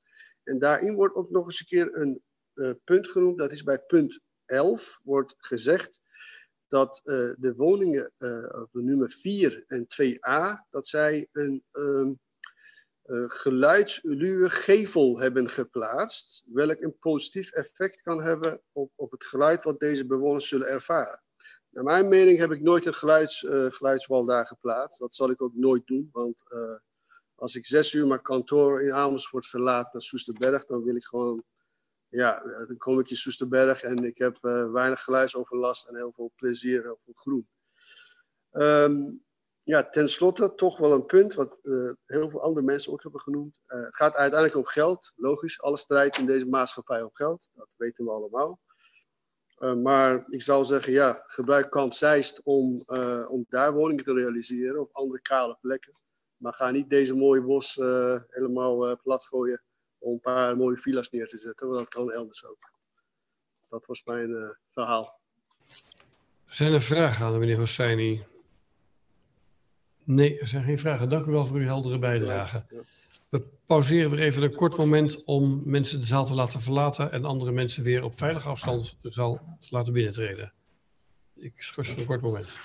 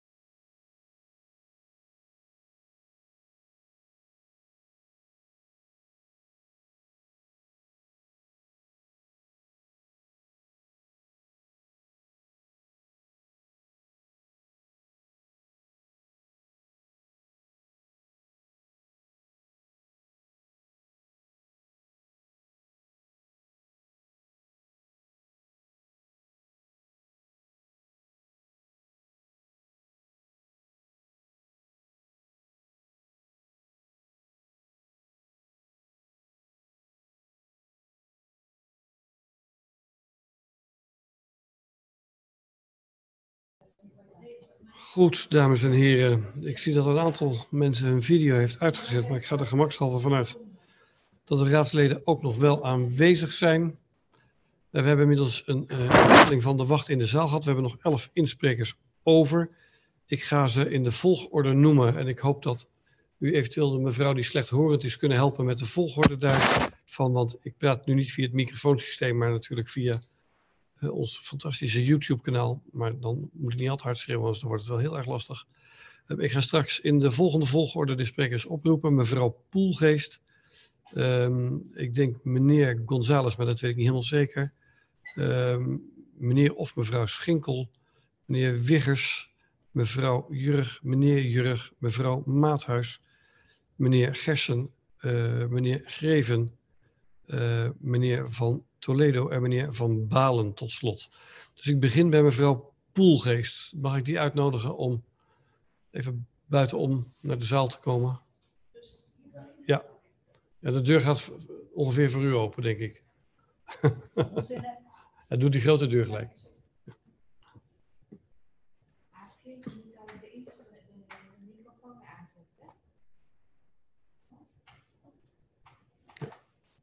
Mevrouw Poelgeest gaat worden aangesloten worden op de iPad die hier op een standaard staat. En dan gaat de microfoon aangezet worden. We gaan kijken of mevrouw Poelgeest goed in beeld krijgt. De microfoon staat nog niet ja. aan, die wel. Mevrouw Poelgeest, u heeft het woord. Goedenavond allemaal.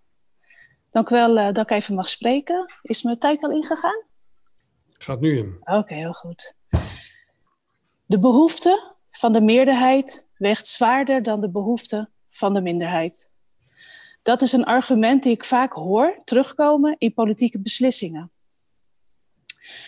En op dat argument wil ik zo meteen aan het eind van mijn pleidooi terugkomen. Ik neem jullie mee terug in de tijd naar het jaar 2008. Het jaar waarin het grootste gedeelte van Masterplan Soesterberg wordt geschreven en waarin besloten wordt dat onder andere het bos van landgoed de Oude Tempel plaats moet gaan maken voor woningen. Oh ja, ik heb natuurlijk mijn microfoon. Ja, precies. Wacht even hoor, ik doe het zo. Ik neem jullie mee terug in de tijd naar het jaar 2008. Het jaar waarin het grootste gedeelte van Masterplan Soesterberg wordt geschreven en waarin besloten wordt dat onder andere het bos van landgoed de Oude Tempel plaats moet gaan maken voor woningen. De ijskappen smelten nog niet zo hard als ze dat nu doen. Barack Obama wint zijn eerste presidentsverkiezingen en de wereld was een heel andere plek dan hoe die nu is. Als je in 2008 sprak over de waarde van bomen, de waarde van een bos, werd je al snel als boomknuffelaar bestempeld en zelfs recht in je gezicht uitgelachen. We dachten niet na over of we wel of niet op het vliegtuig zouden stappen in verband met vervuiling. We hadden nog nooit gehoord van plastic soep en de meeste van ons aten nog dagelijks een stukje vlees. Voor mij voelt het alsof we toen losgeslagen kinderen waren, die niet konden overzien wat de gevolgen van onze acties zouden zijn. We reizen terug naar 2020.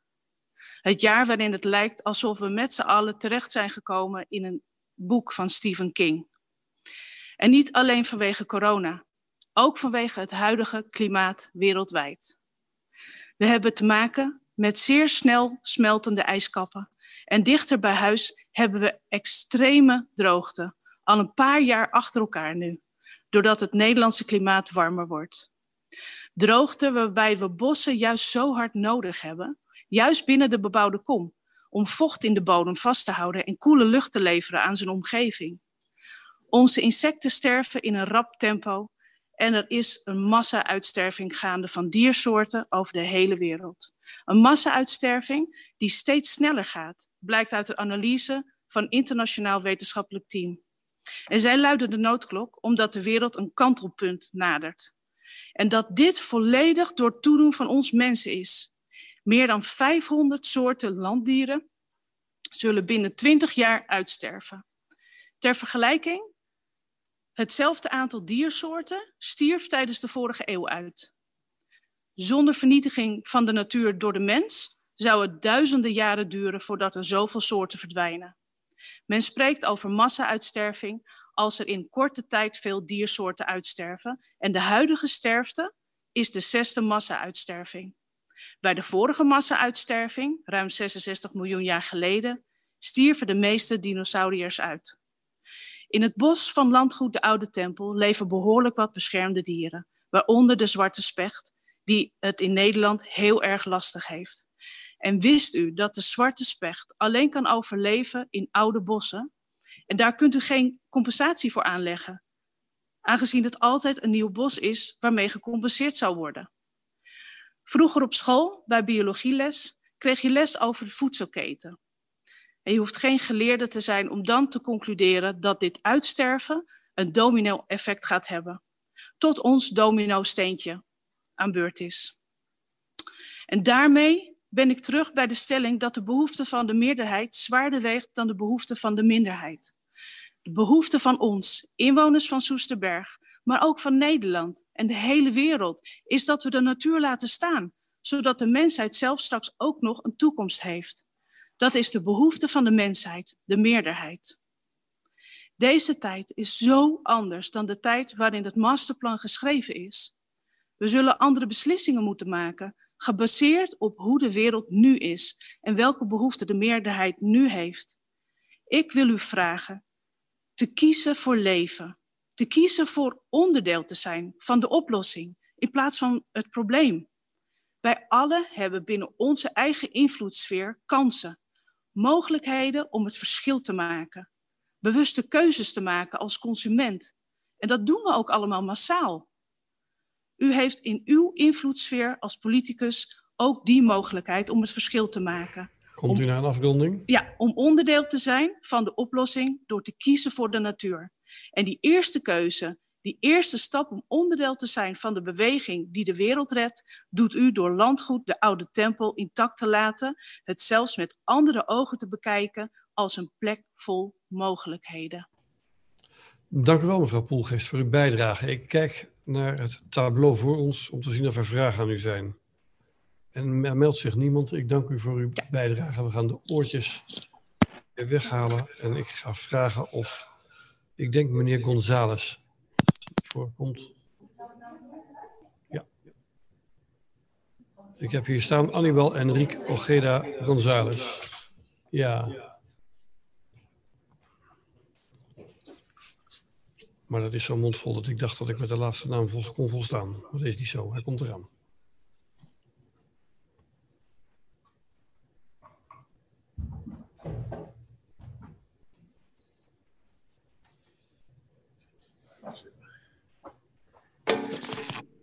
Ik kom ook voor u bij hoor. Het gaat allemaal helemaal eerlijk. Even kijken. Moet ik ergens, u heeft eh, het... ergens spreken? Ja, het gaat vanzelf goed zo. Oké. U heeft het woord. Eh, goedenavond iedereen bij de gemeenteraad. Ik hoop eh, dat jullie en jullie laatste een, in goede gezondheid zijn na de nare coronaperiode die we achter de rug hebben gehad en nog altijd bezig is. Mijn naam is Aníbal Ojeda González, bewoner van de Morane, ook de webmaster van de website Langgoed de Oude Tempel, ook de maker van dit mooie logo die wij allemaal dragen. Ik werk zelf als zelfstandig ondernemer en momenteel doe ik mee met een groot project bij ProRail, waarbij we de ICT vernieuwen voor de sporen van Nederland, voor de toekomst. In de afgelopen maanden heb ik het heel erg druk gehad met dit project. En, li en liep soms tot drie keer in het bos om bij te komen, tot nieuwe ideeën komen, of gewoon spelen met de hond. Wat heeft het bos mij in de tijd geholpen? Toen bekend werd dat we hier konden praten, dacht ik gelijk, dat ga ik zeker doen. En bij een wandeling in het bos bedacht ik wat ik aan jullie wil vertellen. Ik kwam 22 jaar geleden naar Nederland wonen, vanuit Curaçao. Zelf ben ik geboren en getogen in Venezuela. Ik moet vanuit Venezuela, een soort van vluchten, in het jaar 1990 naar Curaçao. Door een slechte situatie waar mijn land in beland was. En mijn moeder wist dat het niet zo goed zou komen. We weten het nu, het is niet goed gekomen.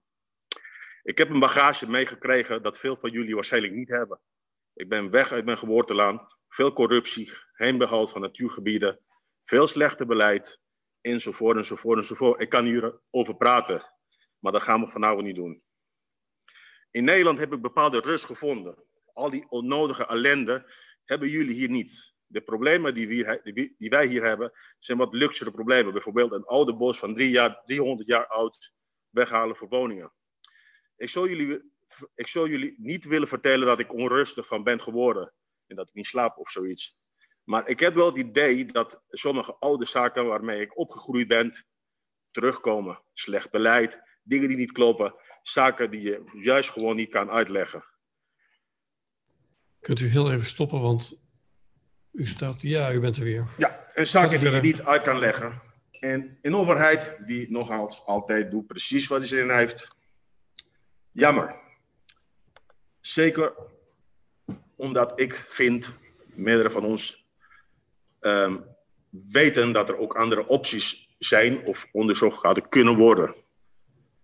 Ik weet donders goed uh, als ondernemer dat het belang van geld groot is.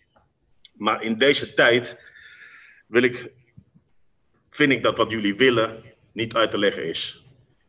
Het is ook niet gek dat de gemeente een 4 heeft gescoord bij ons Soesterbergers. Bij Soes hebben jullie een 7. Nou, verklaar dat. Ik denk dat de relatie verder zal afbreken. Ik had enorm veel twijfels in politiek in het algemeen. Het wordt niet echt beter.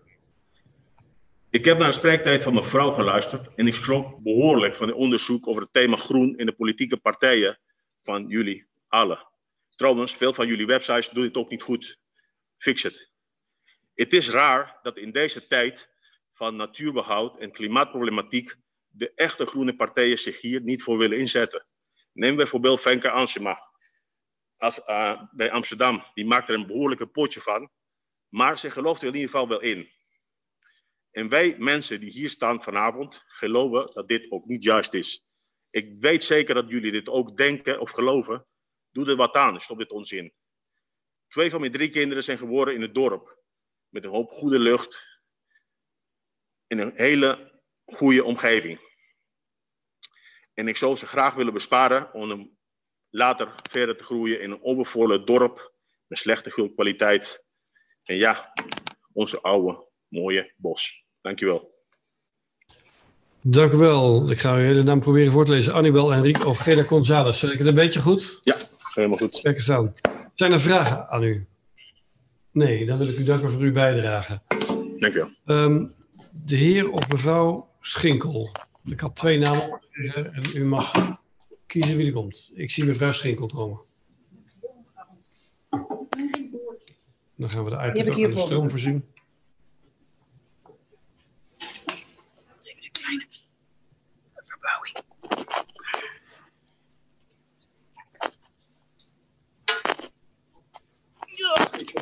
Halleluja. Ja, dat is waar. Het spreeksel is heel zwaar. Ik ben het stroomkabeltje is net te kort, dames en heren. Als u zit te kijken, wat gebeurt er nu? Dan wordt het spreeksel iets verzet omdat de iPad leeg is. Waar de inspreker uh, zijn of haar bijdrage mag leveren. En nu gaan we keurig het spreeksel weer schoonmaken. En dan kunt u daar, u hoeft er niet in te doen, u kunt gewoon spreken. Ja? Mevrouw Schinkel, u heeft het woord. Dank u wel. Dank u wel voor de mogelijkheid om hier te spreken. Hoewel ik slechts een jaar lang van het Soesterbergse in het echt mag genieten, gaat de naam en de, en de sfeer van Soesterberg mij al vele jaren van het uh, hart. Bijna 60 jaar geleden kwam ik hier met mijn ouders op zondag bij de Soesterduinen om uh, hier te recreëren. En dat gevoel heb ik blijkbaar altijd met me meegedragen, zodanig dat mijn omzwervingen door heel Nederland me uiteindelijk hier het gevoel van thuis hebben gegeven. Het bos was voor mij een totaal uh, blanco gebied. Want toen wij hier kwamen wonen, zag ik de stiekem opgekrulde hekken en dacht, hier mag je helemaal niet in. Ik ga er niet heen, dat doe ik niet, dat mag niet. En nu ik er wel in mag en nu ik er wel ben, denk ik, wat is dit mooi. Heel erg mooi. Waarom gaan ze hier bouwen? Waarom moet het zo grootschalig? Waarom kunnen we niet een schouw maken met alle kleine plekjes die misschien nog wel waardevoller zijn dan 400 huizen op één plek, waarmee je alle problemen op je nek haalt? Waarom gaan we niet kijken of er nu al plekken zijn die misschien wel gewoon op funda te vinden zijn met 10.000 vierkante meter grondgebied die bebouwd kunnen worden? Waarom moet je dan bij uh, bosman. We hebben het over bouwen voor de Soesterbergers. Welke doelgroep? Ik zie dat er 300, 400 uh, woningen misschien wel in een heel ander prijsgebied uh, zitten dan er nu de behoefte is. Is er wel behoefte? Welke behoefte is er? Is dat onderzocht? Er zijn zoveel vragen die in me opkomen. Maar Soesterberg heeft altijd een apart plekje in mijn hart gehad. En dat wilde ik hier graag uitspreken. En ik hoop dat jullie de wijsheid hebben om met alle verhalen die vanavond gezegd zijn, om aan te geven hoe het leeft in Soesterberg. Ik woon hier pas een jaar en ik ben nog wel ontroerd. Dus ik hoop dat jullie daar heel veel wijsheid uh, bij de besluitvorming hier ontnemen. En uh, ja, dat is het enige wat ik wil zeggen. Dank u wel, mevrouw Schinkel. Zijn er vragen, mevrouw Schinkel? Nee, er zijn geen vragen. Dank u wel voor uw bijdrage. Dan ga ik naar meneer Wiggers. Mevrouw Wiggers, denk ik.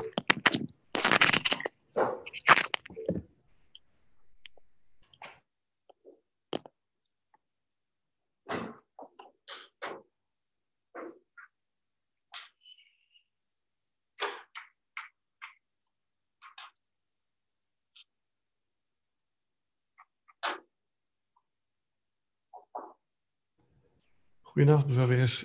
U heeft Ja. het woord. Dank u wel. Eh, nou, beste raadsleden, het is al laat, dus ik zal ook proberen om het eh, kort te houden. Er is natuurlijk al heel veel eh, gezegd vanavond. Ik heb het mee zitten volgen. Veel verhalen over hoe mooi en waardevol het landgoed Oude Tempel is. Ehm, ik woon daar zelf met mijn gezin al tien jaar tegenaan aan de Apollo. Onze tuin grenst daaraan. Nou ja, vanaf het begin genieten wij ook altijd al van het groene uitzicht. Ehm, in 2017 hebben wij destijds toen ook al zienswijze ingediend op het bestemmingsplan.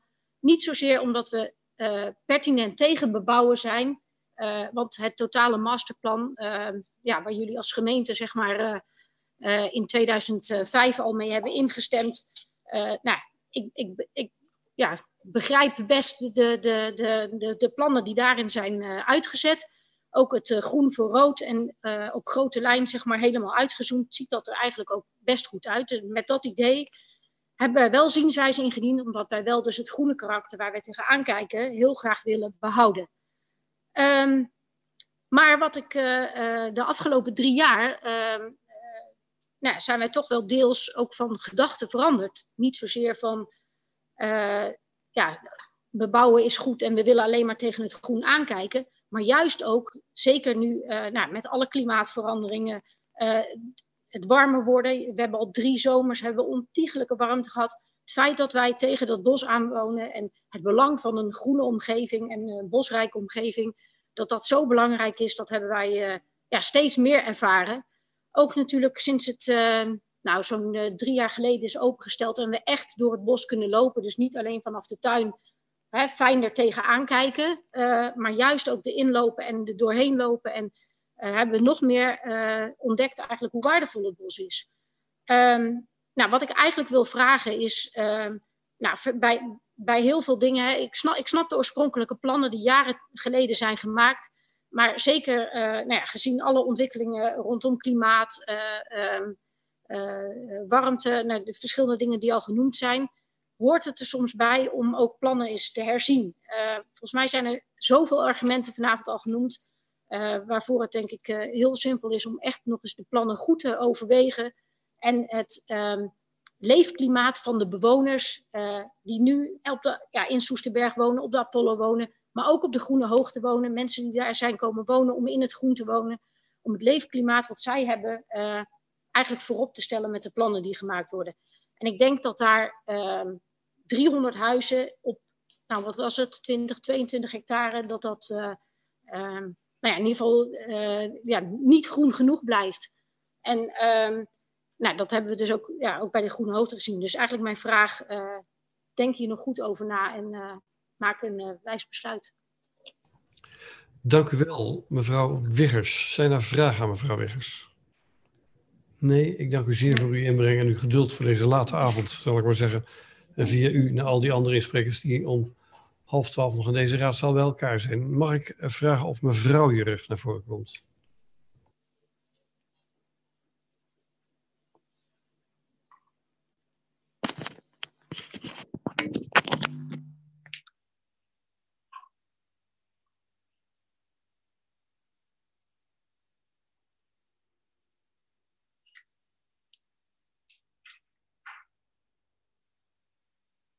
Heb ook geen oortjes meegenomen. Dat hoeft ook niet. Je kunt eh, gewoon praten, want de microfoon staat erbij en we trekken straks anders even de stekker eruit. Dan kunt u het, als er nog vragen nu zijn, toch horen. Mevrouw Jurgen, u heeft het woord. Ja, dankjewel. Nou, ik kom vooral om eh, mijn ervaringen ook met het eh, bos te delen. Ik, vind, ik loop er zelf twee, drie keer per dag. Het is het enige bos wat op loopafstand van mijn huis goed te bereiken is. En juist de afgelopen tijd zie ik dat het juist steeds drukker wordt in het bos. En dat er steeds meer mensen, dat ik heel veel contacten opdoe met het bos. Ehm, terwijl in de drie jaar dat ik hier woon, en ik ben hier ook specifiek komen wonen eh, voor het groen. Ehm, ik denk dat juist dit bos, doordat het midden in het dorp staat, een belangrijke maatschappelijke functie heeft. En dat er ook nog moet worden gekeken naar andere mogelijkheden.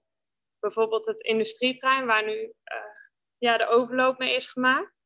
Of ehm, splitsen van percelen. Ik heb gehoord dat daar ook eh, meerdere aanvragen voor zijn gedaan. Ehm, ik vraag me af waarom er zo weinig wordt gekeken naar andere mogelijkheden. En ook de groene wijk, daar geloof ik nog niet helemaal in. Zeker niet als je naar de groene hoogte kijkt, die is niet groen. En vaak wordt er ook, al is het plan om dingen te behouden, het achteraf alsnog weggehaald. Ehm, ik vroeg me ook af, hebben jullie een voorbeeld of een stukje ergens anders in Nederland waar zulke bomen in deze formatie staan, met deze afstand, in een woonwijk waar ze ook nog zijn blijven staan, duurzaam? Hier ben ik namelijk wel erg benieuwd naar. Ehm, want anders is dit plan niet duurzaam. Als het nu kan blijven staan, later alsnog wordt weggehaald. Ehm, en dat ik, ik hoor ook voornamelijk financiële redenen. En ik denk niet dat dit nou echt het allerbelangrijkste is. Ik denk dat het belangrijk is om te luisteren naar de omgeving. En ik merk dat dat sowieso bij de gemeente Soes soms wat weinig gebeurt.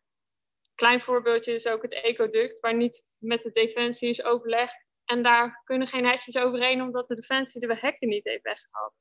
Nou, dit kost ook een hoop geld. Nou, daar heb je geld waar je, waar je het had kunnen pakken. En hier is niks mee gedaan.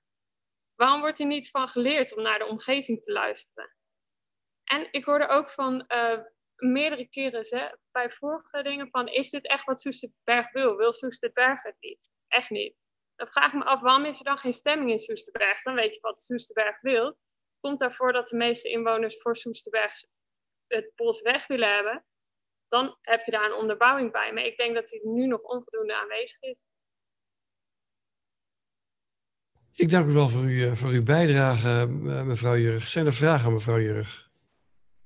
Nee, dan kijk ik denk ik naar meneer Jurg, die het van u gaat overnemen. Dank u wel voor uw bijdrage.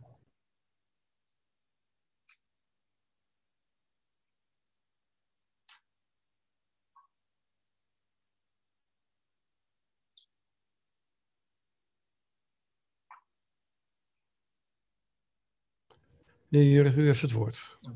Ja, ik, eh, ik heb denk ik niet heel erg veel toe te voegen aan wat, eh, wat er vanavond allemaal is gezegd. Omdat het, ja, er zijn zoveel ontzettend veel eh, goede argumenten eh, genoemd. En ik denk dat de opkomst van vandaag en de betrokkenheid die heel Soesterberg toont voor het behoud van eh landgoed Oude Tempel, dat dat wel aantoont hoe belangrijk ja, dat stuk bos is voor de mensen in Soesterberg en hoe enorm dat verbindt. Ehm, ja, en ik begrijp eigenlijk gewoon niet goed dat, eh, dat, er, de- dat constant die discussie eigenlijk ook nog steeds is van dat we dan worden meegenomen in de plannen van hoe, dat, hoe dat die plannen dan zouden kunnen worden. Eh, terwijl daar eigenlijk de Soesterberg totaal niet op zit te wachten. Ehm, ja, dus dat vind ik gewoon heel erg jammer. En verder heb ik niet zo heel erg veel toe te voegen. Ja, ik kom- ben hier vooral om gewoon aan te geven dat ik, er gewoon, eh, dat ik het gewoon heel jammer zou vinden als het weg zou gaan. En dat ik het vooral heel jammer vind is dat er volgens mij genoeg alternatieven te bedenken zijn. Maar dat zo'n mooie plek die zo belangrijk is voor de mensen in Soesterberg, dat, dat ik gewoon echt hoop dat dat behouden kan blijven. Dank u wel voor de rebound. Over Maathuis.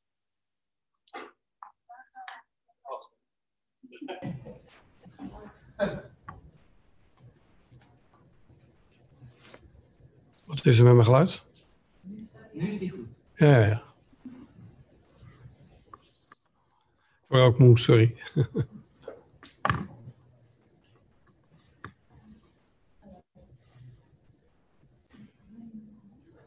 Ja, maar ik ga iets vertellen, dus ik hoop dat was zij wat vragend, dat het zal wel goed komen. Mevrouw Maters, u heeft het woord. Ja, ehm, ik vind het heel spannend om te doen, dus uh, ik had al eerst te zeggen. Beste mensen van de Soester gemeenteraad, beste volksvertegenwoordigers, voor alle inwoners van Soest en Soesterberg. Mijn naam is Brenda Maathuis. Ik woon 25 jaar bijna in Soesterberg. Mijn kinderen wonen nog steeds thuis, 24, 25. Zouden graag woningen willen. Geen dure woningen, want ze zijn alleenstaand werken in de zorg, kunnen geen dure woningen kopen. Dus dure woningen zitten wij niet op te wachten. Ik woon al lang in Soesterberg, ben daar gaan wonen voor de bomen, voor het groene karakter van Soest en Soesterberg. Soest gaat ook als titel vaak Groen Soest. Sinds ik in Soesterberg woon, heb ik alleen maar gezien dat het groen achteruit ging. Het groen onderhoud ging achteruit. Het kappen van alle bomen in mijn woonomgeving rondom Spat. Heb ik vaak gesproken met meneer Noordman en meneer Wallet. De groenonderhoud van uh, Soest en Soesterberg. Um, ik loop dagelijks twee, drie keer het hele grote rondje door het Soesterbos. Mijn dorpsbos. Het oude tempelbos ik zou het erg jammer vinden als dit bos gaat verdwijnen. Want ik denk dat het echt een aanwinst is voor het dorp. Welk dorp heeft een dorpsbos? Als enige bos waar het hele dorp vanaf de andere kant van het dorp naar dit bos gewoon in 10 minuten naartoe kan wandelen. Waar iedereen gratis gebruik kan maken in deze coronatijd. Rust, ontspanning, natuur, koelte. Ik denk dat we daar allemaal erg op zitten te wachten burgemeester woont zelf in Soest, die zou, of in Soesterberg, die zou ook eens langs kunnen komen. Mevrouw Koenits, die woont in Venendaal, die zou ik ook graag uitnodigen om eens in ons bos te komen kijken. Dat zou ik heel fijn vinden. Um, ik vind het gewoon jammer dat dit bos, waar hele uh, cultuurhistorische waarde aan hangt, dit bos ligt in de weg der wegen. Het is een van de onderdelen van de landgoederen aan de weg der wegen, die al in 1600 is ontstaan, ontworpen door Jacob van Kampen. Waarbij elk landgoed een eigen kavel had met een achterliggend kavel. Waarvan het heel jammer is dat nu dat ene kavel gewoon bebouwd gaat worden. Waar een heel groot oud bos ligt met beukenlanen, sperten, hazelwormen, reeën. Allerlei dieren, daar wordt opgeofferd voor stenen. Groen voor rood, geld voor groen. Ik denk dat dat jammer is, want er zijn andere alternatieven. Ik hoorde van de week iemand die zei: er is ooit een onderzoek gedaan bij het uh, Contact der Continenten. Daarachter, of bij het Senakel, zou ooit een onderzoek geweest zijn naar woningbouw. Misschien dat daar nog mogelijkheden zijn. Anders het kamp van Zeist. Daar liggen alle nutsvoorzieningen al: gaswater, riolering.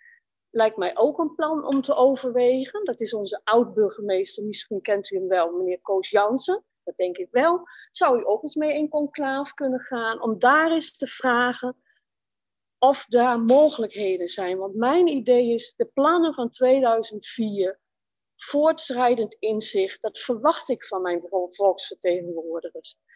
En wat mij ook een beetje pijn doet, is dat de groene partijen, gemeentebelangen Groen Soest, GroenLinks, dat die zich niet hard maken voor de groen wat in hun naam staat. En ik hoop dat ik over een paar jaar met mijn kleinkinderen nog steeds kan wandelen in het bos van de Oude Tempel. Dank u wel voor uw bijdrage, mevrouw Maathuis. Ik ga even kijken naar de gemeenteraad. Ja, dan kijk ik van u weg, maar kijk ik weer uh, naar de blokjes voor mij of er iemand een vraag aan u heeft. Dat is niet het geval. Dank voor uw volle bijdrage. Ja. En ik kan u in ieder geval verzekeren dat ik uw bos ken. Want ik ben er wel eens geweest. Um, dan vraag ik mevrouw Gersen. staat al niet helemaal. Oh ja, staat wel, want ik lees het gewoon verkeerd voor. Ik kijk gewoon niet goed. Mijn ogen zijn zo langzamerhand aan een refit nodig.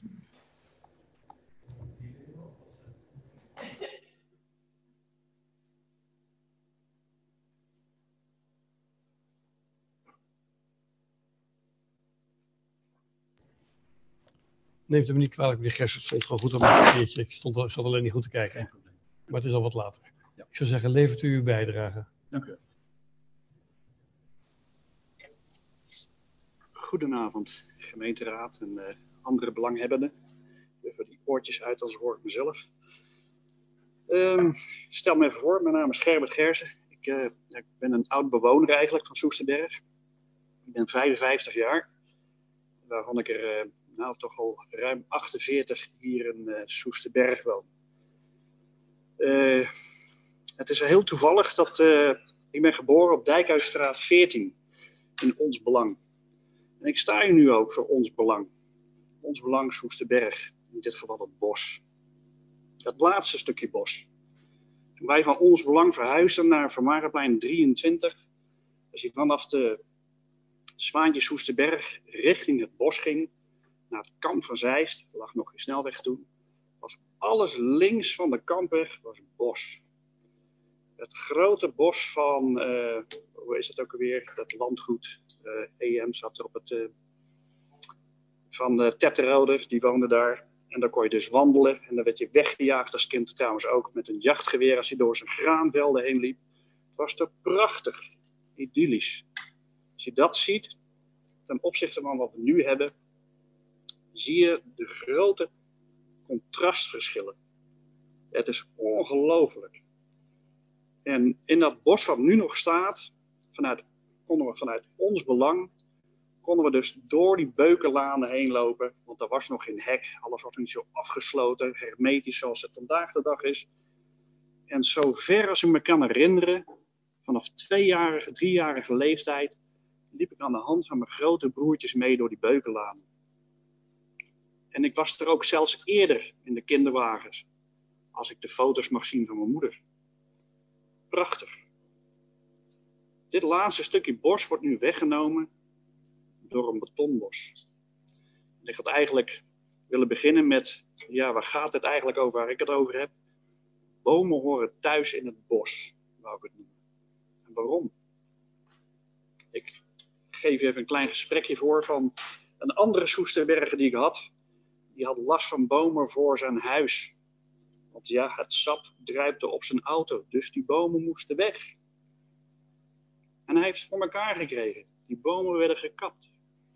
Weg, want zijn auto werd vies. En nog zo'n mooi verhaal met mijn zus. Die woont uh, op de Buisbelot. Stonden al bomen en die groeien op. Ja, je kinderen groeien op, maar die bomen ook. Ja, het is zo donker, ik heb gezond. Die bomen moeten weg. Wat is er gebeurd? De bomen worden gekapt.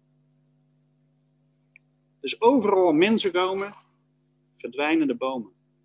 Hoe mooi planologisch we dingen ook beklinken, ook nu weer. Met geld en mooie lanen en dat bewaren we en dit bewaren we. Dat gaat heel lang goed. Hooguit 15 jaar. Ik kan u voorbeelden geven. Bloemenheuvel is zo'n gebied. Prachtige Amerikaanse eiken stonden daar. Gigantische bomen, mooi blad. Nou, maar dat laantje moest bewaard worden. Die is er al niet meer. Na 15 jaar. En zo zijn er meerdere voorbeelden. Vlakbij het paardenveldje, waar nu hè, de vleugel, waar nu die nieuwe woonwijk staat. Er, liepen, er stonden drie mooie rijen. Tamme kastanjes en andere bomen. Twee rijen waren gesneuveld. De zaag ging erin, zonder vergunning. Foutje, zei de gemeente. We zetten de nieuwe neer. Maar die bomen zijn voor eeuwig verloren. Het gezicht is weg. En dit gaat nu ook weer gebeuren, ben ik bang van, met het bosgebied, de Oude Tempel. Het gaat verdwijnen, het laatste stukje, waar ik mijn kleine voetjes heb neergezet. Wat ik graag zou willen bewaren voor de volgende generaties, die frisse lucht, dat mooie wat je nooit meer gaat terugkrijgen. Eenmaal als de bulldozer erin gaat. Mijn hart huilt. Echt. Ik moest hier komen. Ik kon het niet aflaten. Maar mijn vrouw zei altijd: Je klaagt wel, maar je doet niks. Nou, ik heb heel wat petities getekend al. er zijn heel wat dingen alweer van gekomen. En nu dacht ik: Nu moet ik hier komen. Ik heb een hele hoop steekwoorden opgeschreven en ik dacht: Ik vlieg misschien van de hak op de tak. Maar ja, we hebben het ook over het bos, dus dat had niet uitgemaakt. dus dat, uh... maar het is gelukkig goed gekomen. Dus ik bepleit hiervoor om dit bosgebied compleet behouden te laten. Voor de toekomstige generaties. Ik heb zelfs Frans Timmermans heb ik geschreven van de U. Met zijn plan 2 miljard bomen. Ik heb gevraagd, laat dit de eerste 20.000 zijn die blijven staan. Dan bent u al op weg. Dan heeft u startschot al gehad. En ik hoop vanuit mijn hart dat u in uw hart kijkt. En echt niet alleen naar de pegels. En ik snap het is belangrijk, maar ik ben bereid om extra belastingen ervoor te betalen. En meerdere met ons. Dus ik pleit voor het behoud van ons bos. Dank u wel. Dank u wel, meneer Gersen, voor uw bijdrage. Ik kijk of er nog vragen zijn. Ja, ik zie meneer Stormbroek. Dank u wel, eh, voorzitter. Dank u wel ook voor uw eh, prachtige betoog. Als uh, geboren Bergen zijnde, ik hoor mezelf volgens mij rondzingen. Ja. Ik ben benieuwd, uh, met uw ervaring uh, als uh, Oersoesterberg, heeft u enig idee of er een alternatief zou kunnen worden gevonden voor, voor de oude tempel, waar toch heel veel andere insprekers ook op hebben Oh ja. getoeld? kunt u ons wellicht een handje op, op weg helpen? Ook onze Soester collega's, zeg maar, die, nou ja, die waarschijnlijk heel benieuwd zijn naar, naar de mogelijkheden ook. Zeker. Eh, dat is zelfs net al benoemd, eh, mijn voorgangster. En dat is het Kamp Verzeist. Want er wordt hier, schijnt hier een uitwisseling te zijn te gaan. eh, tussen het Kamp Verzeist wordt dan weer bosgebied. En dat bosgebied in Soesterberg, dat wordt dan weer ja, rood-groen of zoiets. Een soort verplaatsing van kleuren. Ehm, je hebt daar eigenlijk, als, alle faciliteiten liggen daar in de grond. Zijn wel verouderd, maar goed. Als dat toch weer terug gaat naar het bos, moet toch alles eruit aan riolering, leidingen. Dus die kun je dus direct vernieuwen. Uh, en het hele mooie wat ik nu zie aan ontwikkeling op dat kamp Verzeist. Je hebt nou al die tiny homes. Je, wat je daar zou kunnen doen, ja, wat ik voor me zie, is een terrasvormige flat die uitkijkt over dat bosgebied. En een tiny home village. En dan kun je de oude commissary waar ik jaren voor heb gewerkt. Nou, heel graag wil hier een Aldi en een Lidl komen die kan je daarin plaatsen. Dus je slaat heel veel vliegen in één klap. Dat is mijn idee. Helder antwoord. Dank u wel, meneer Gersen. Alsjeblieft. Meneer Greven. Dank u wel. Ja. Dank u.